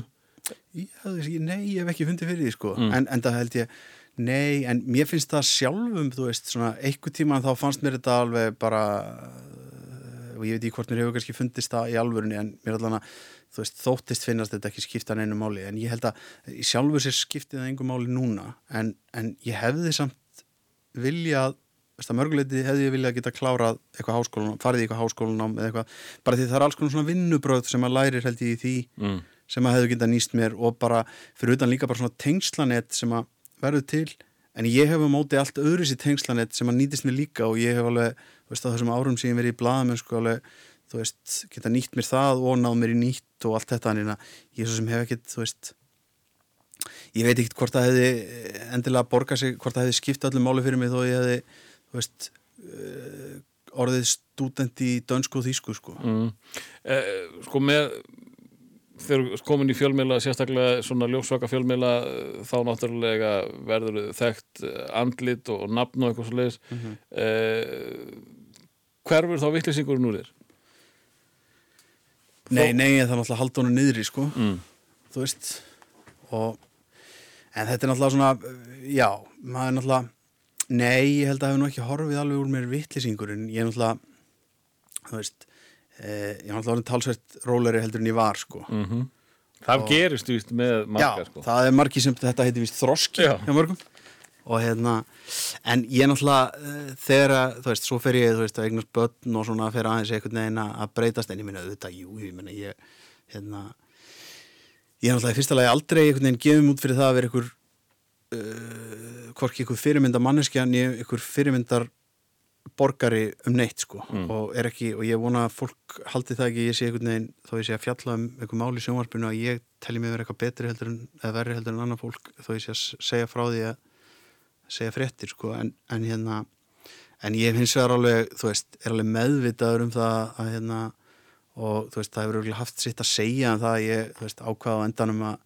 veist, það hætti að drekka og eitthvað svona að ég, þó það hafi ekki verið eitthvað ráðandi í þessu að, þú veist, að hérna, það hendar ekkit rosa vel, en það hendar heldur ekkit bara, þú veist, fyrir mann eins og mig að gera það og hefur aldrei gerst, sko. Eh, breytist eitthvað meira þú ferðir yfir á rúf Nei, ekki nefnum bara með döðlittist hérna fyrst, sko, mér finnst þetta alveg bara, já, ég, hvað hva byrjar þú? Sem fréttamaður? eða Nei, ég byrjaði bara, þú veist, þetta var basically þannig, svo ég bara segi bara nákvæmlega sögunni sem var, að ég var sem sagt, uh, var uh, hafði verið, sem sagt uh, ég var heima átti frídag í vinnunni á stöðu 2 og er heima og sem sagt, var bara ákveða að fá mér uh, bjór og hitta félaga mína sem voru koma í land á sjónum Mm. Og er bara að fara að opna fyrsta bjórin bara í hátteginu þegar ringi dyra sér mín að mér. Og ég er bara þau í náttfötum þá var það bara Þórhallur Gunnarsson. Bara eitthvað, blessaður. Ég er bara eitthvað, sæll. Og hann bara eitthvað, hleyftu mér inn. Og ég er bara eitthvað, ha? Hleyftu mér inn, ég þarf að tala við þig. Og ég er bara eitthvað, Ertu í vinnu hjá stöð 2 á þessum já, tíma? já, og ég er bara what?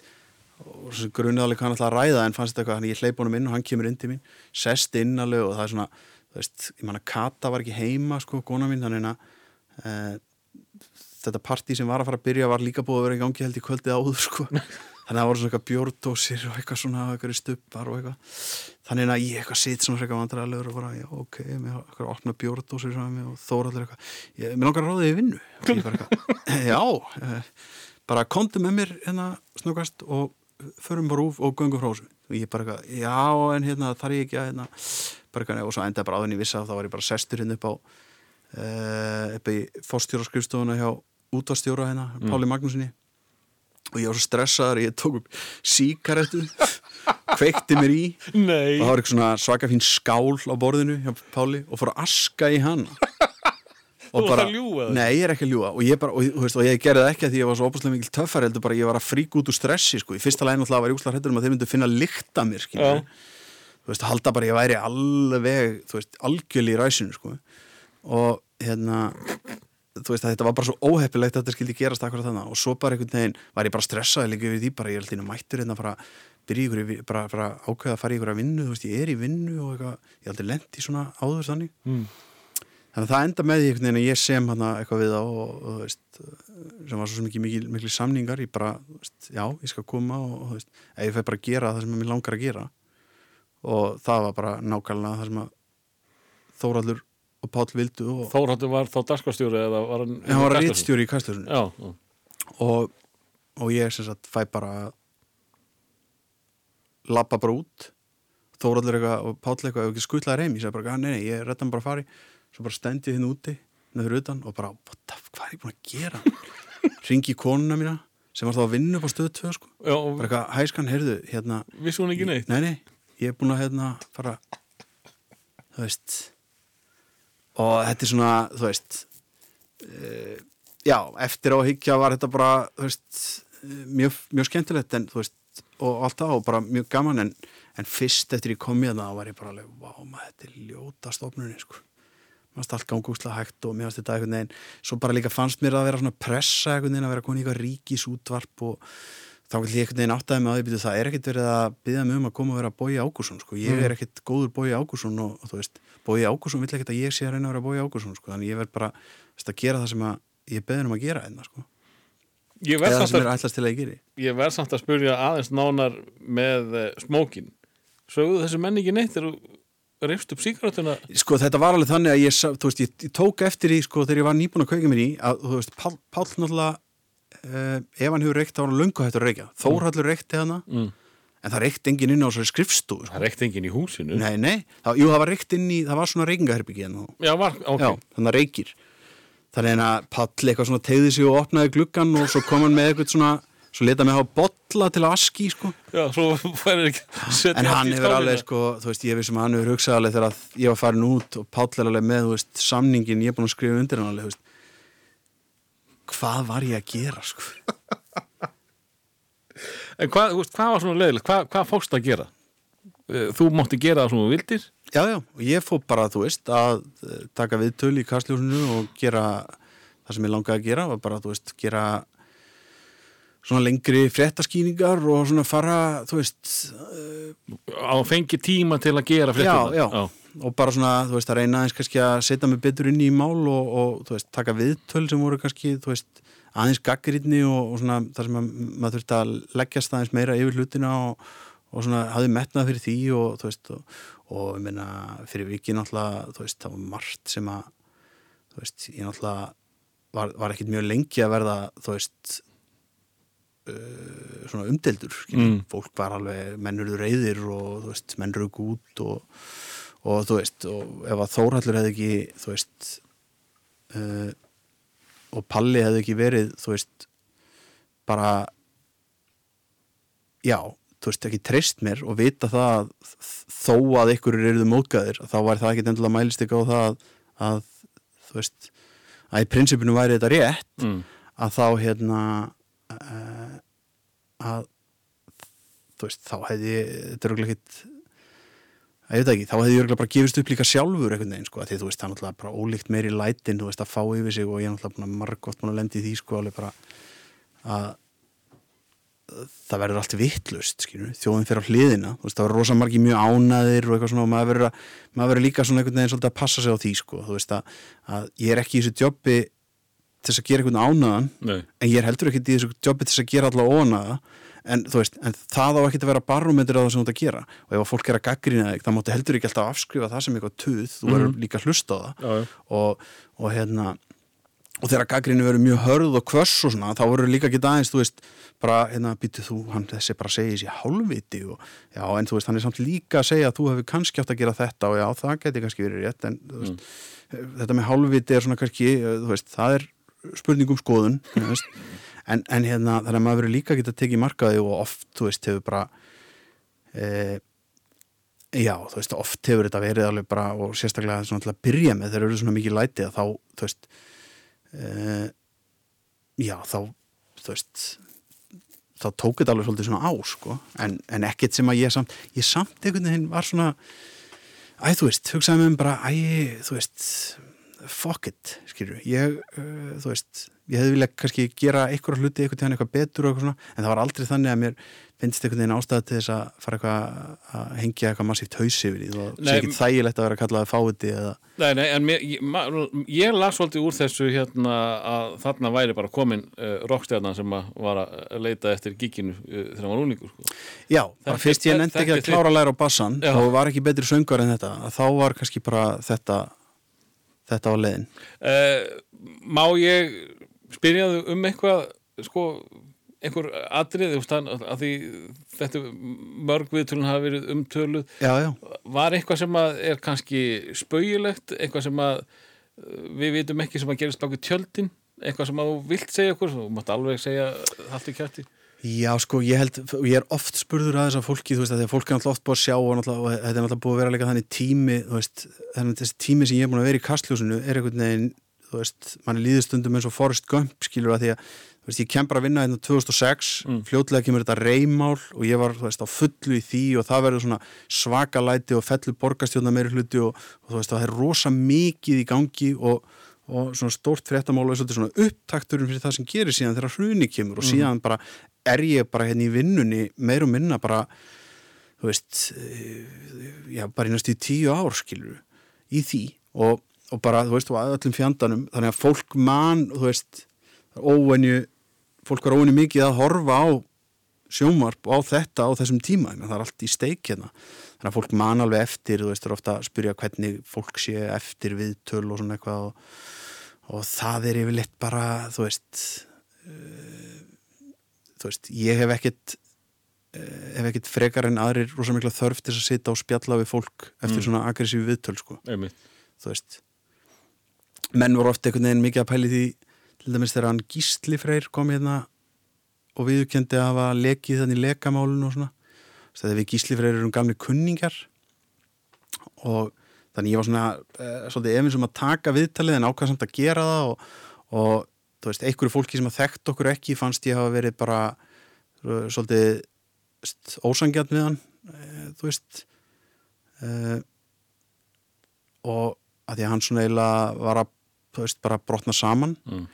en til dæmis eftir það viðtal þá bara, þú veist stóðu upp og þú veist, ég tók utanum hann skilur, mm. því hann var bara uh, þú veist, þetta er bara líka gísli þetta er bara strákur sem ég kannast aðeins við og, og þó hann hafi verið búin að hérna, og þú veist, ég held að geta þú veist, uh, fólk hljóta geta sett sér í þá stöðu að vera í þessum hræðilega á þessum hræðilega stað sem hann var á einhvern veginn búin að festast í því að hafa, hafa gert eitthvað og neitað svo fyrir það með öllum þessum afleiðingum í allan tíma og allt þetta þú veist, svo náttúrulega, jú, jú, það er veist, fólk er oft svona heldur ofta menn séu svona reytandi eitthvað í mig og svona eitthvað en það er ekki þannig, Nei. það er mjög sjaldan og fólk er mjög sjaldan mjög reytt sko. Kemur alveg fyrir að fólk verður ósátt en, en ég man ekki eftir svona einhverju, þú veist ekki svona já.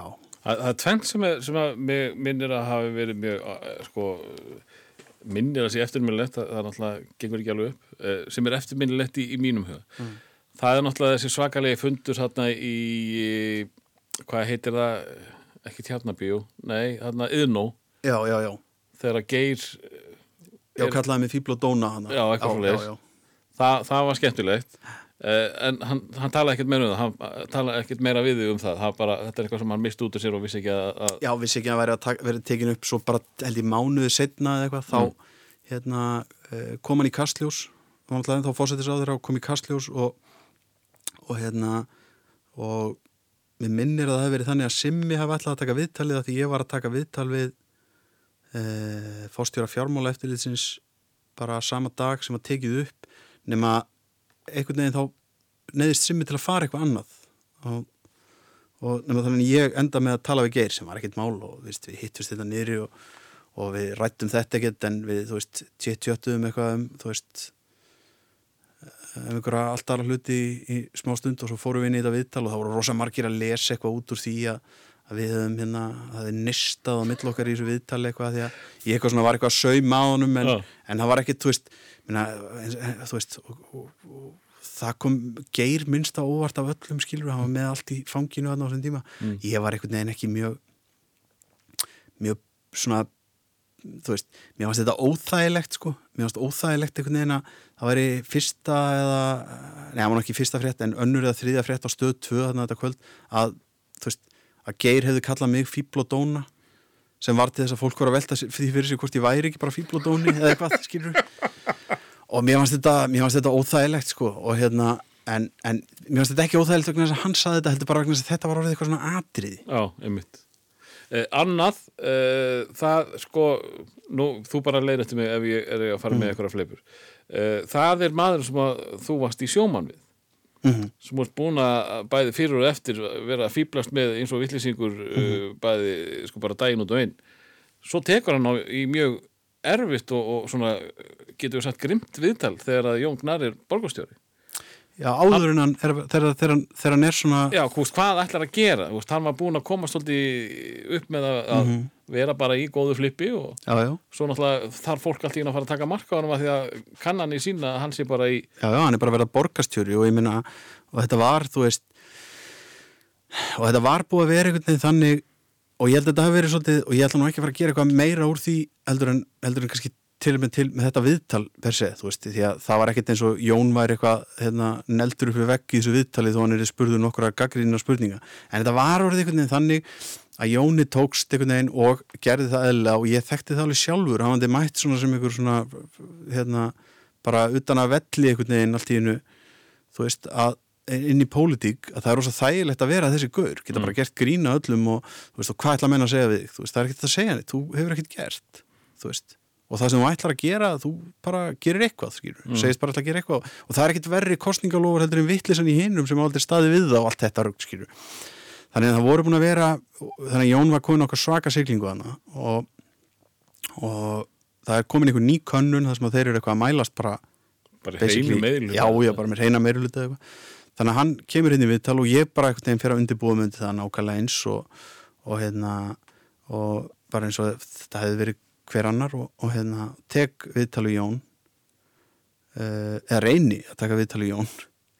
Það sem ég bara svona eitthvað að reyna að ræða við hann um ykkur, þú veist. Eh, það var eitthvað fyrirtæki sem hann og Sigur með orðið gjaldtróta út af einhverjum vísareikningi sem var, þú veist uh, hérna það var sigurum Já, já, það var, hei, það var sigur og það var svo fyndið líka þegar svona, svo er þetta rifjast upp fyrir Jóni á meðan hann er í viðtalinu hvernig raunverulega fór með þetta með þetta svo kallega gjaldtrótt sem var alltaf ekkert gjaldtrótt þetta var bara, þú veist, eitthvað ruggla hérna, þeir stopnuðu eitthvað félag utan um eitthvað rekstur, svo var reksturinn hættur og félagi var ennþá til og það var eitthvað einn vísareikningur sem lendi í vanskýrum sem svona endaði með því annar er að borga þannig eitthvað, en félagi var gert upp. Þetta var eitthvað svona, þú veist, þetta var að því að hann hafði eitthvað verið að tala um þess að þetta kom eh, út frá því að hann fór eitthvað að tala um það að hann það væri ekkit einfaldara erfiðar að vera að reka borgina heldur en bara lítið fyrirtæki eins og hann hefði gert. Já, já, og þannig ég fyrir bara eitthvað að spyrja hann býti já en, hvað með þetta? Og ég minna þú veist er það ekki, minna, var það ekki svolítið erfitt greinilega að reka það fyrirtæki og er eitthvað svona nema þú veist um, þetta einhvern veginn ég átti svo bátt með mig líka sérstaklega því sko bara við fyrir svo að tala um eitthvað annað en þetta gjaldrótt og eitthvað um hérna veist, sé, hvort það sé ekki veist, alveg sem eitthvað honum finnist og þó það sé fyndið og eitthvað svona hvort að þetta með til dæmis að, að hérna, ætliða útigangsmenn, hvort það sé ekki bara í eðlisinn úkslega ósmekklegt, þó þetta sé brandari að það þetta samt sem eitthvað kostningalofur hjá manni sem ætlar að vera borgastjóri hvort þetta sé ekki bara, þú veist, mjög ódýr brandari þó. Og eitthvað svona, og hann fer eitthvað svona svara fyrir það, nei, mér finnst það nú ekki. Þá allt í hennu dettur eins og Jón er þá allt í hennu man hann eftir þessu með hennan vísareikning.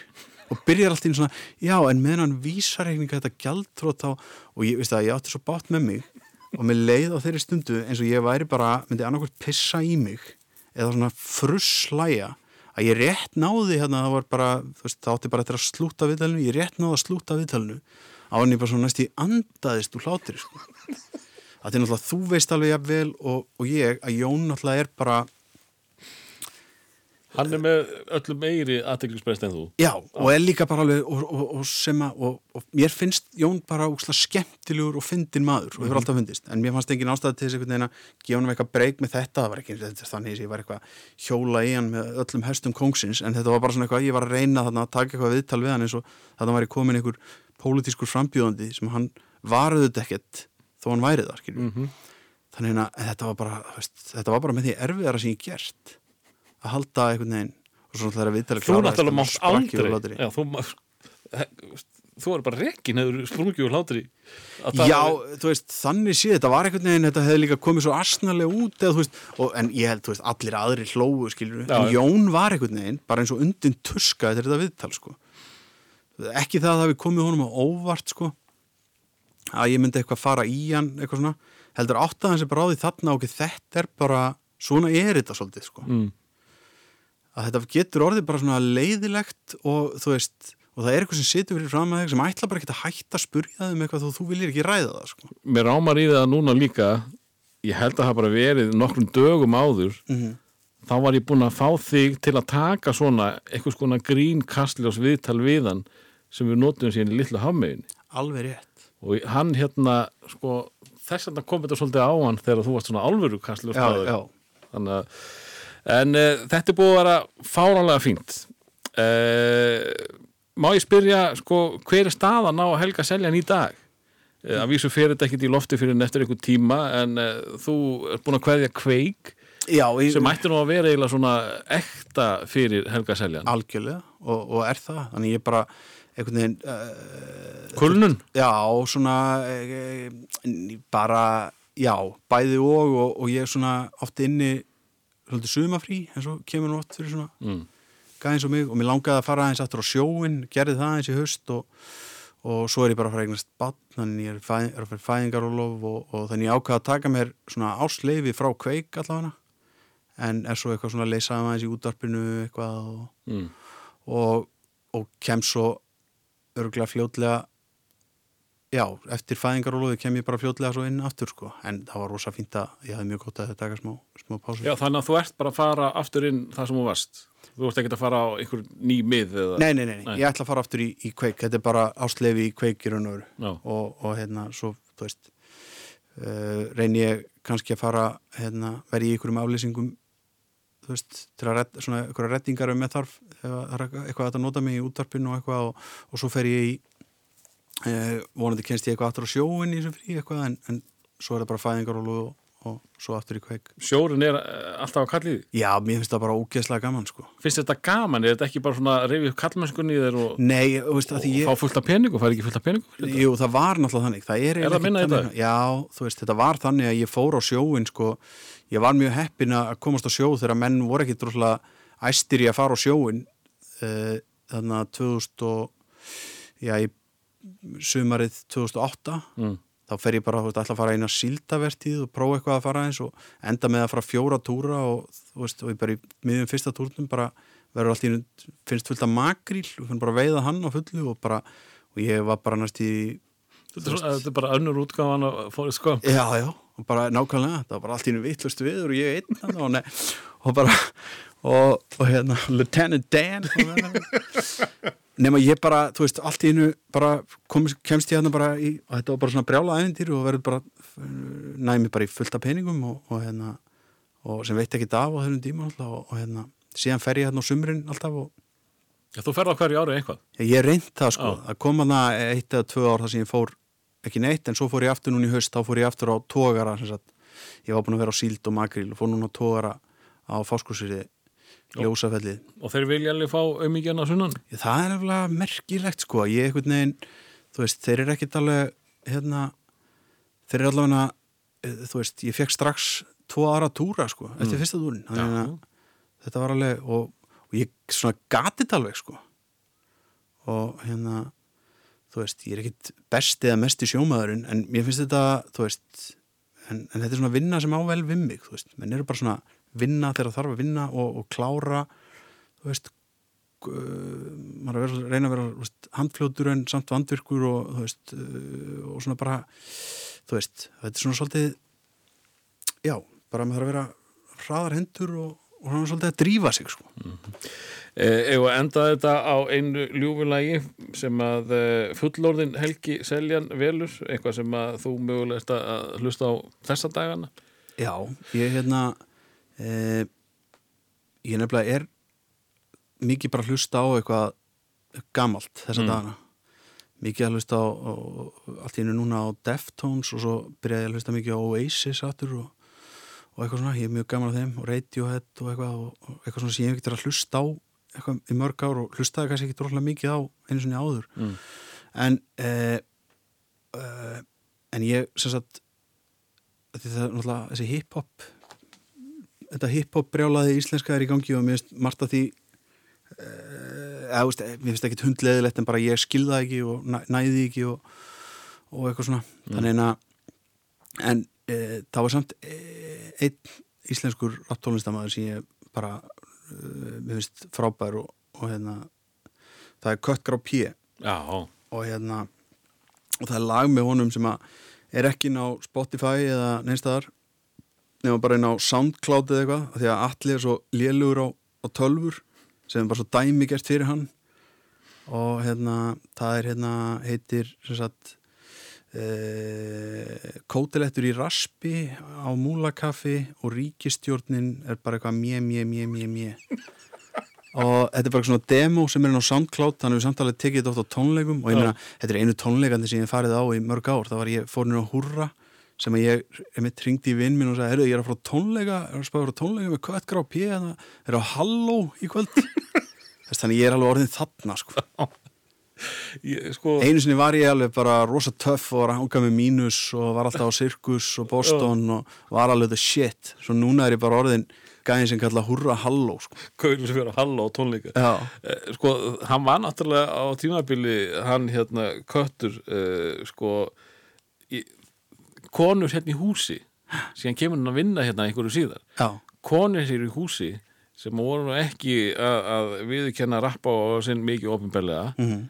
þær voru bara að tala um hvað það gerðist eitthvað innan með þegar að sáu þennan kísustrákarna með síðahárið Mhm. Já, og, lakka- lakkaða neglur og eitthvað. Mjása eins og ég mjög mjög þannig að hann hafði mikil áhrif á konunum Já, og, bara- hann var, og hann var til, tilbúið með plötu þegar hann bara, að ég ætla að hætta þessu. Já og bara, og, þetta er, og, veist, og margt af þessu dóti sem hann er að gera og þetta lag til dæmis er frábært það er, alls konar ógislega fyndnar og góðar tilvísanir í þessu í, þú veist Megas og Halldór Lagsnes og þú hann er veist, það djúpar að ég skil ekki nema helmingina því. Nei og ég veit ekkit endilega hvað hann er að fara með þessu. Ég pikka bara borðin sem hann Já. segir og veist, kannast kannski við þau og finnst það skemmtileg og svo finnst mér bara pælingarnar og, og svona orðarleikirnir alveg frábærir og, og, hérna, og hann er bara, hann er klár líka.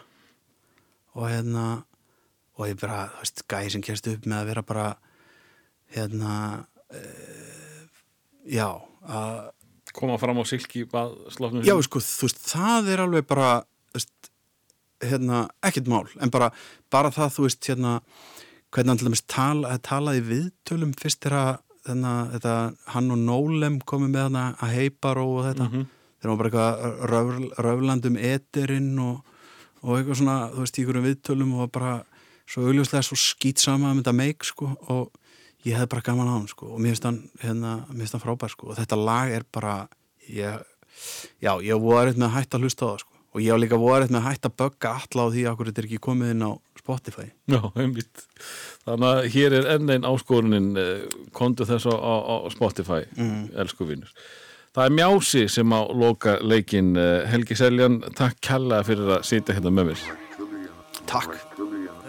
Alla blúska sem hún ræður að rekja í amarkarsvara Á bleikun á kjól Sest ég upp á blátt jól Viltu finna efnið? Strjúka blíkt og mátt jó Ég trilli ringi Gucci mein blingi Stefnulegs ég trill Há heim á bingi Askoti syngi Raskoti niði Drillandi esku Spillandi friði. Það segir mig ég sé dóp Yeah girl N.A. og kissin er old. Yeah girl Það segja mér ég sé joke. Shit done Það segja mér ég sé ró.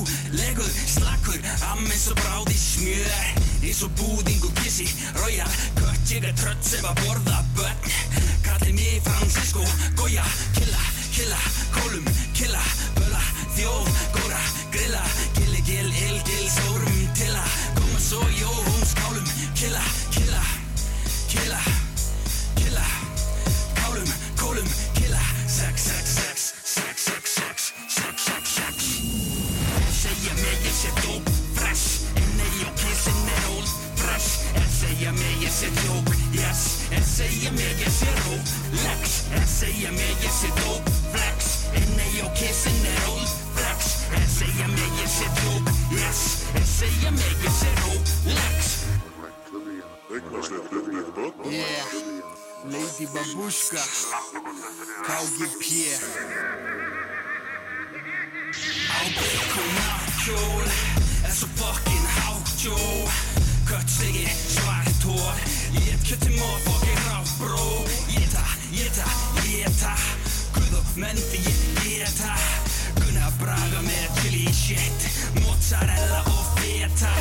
Logandi pópó með hjálm Högminn, sjúandi dreira og snák Högminn, ljúandi heimurinn grá Þögnin, trúaðan tóna með ját Bönnin, kvært svo nuts Mother bitch, reikin jóla. Hetero bitch, kiss, kiss, leiki drjóla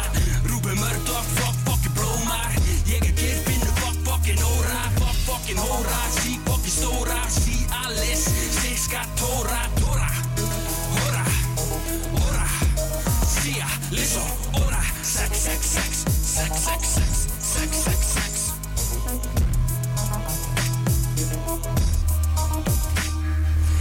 Segja mikið sem brak, satt að Jeg segja kissin er fræð, satt að Jeg segja þeirru sem ræð, what up Jeg segja alltaf sem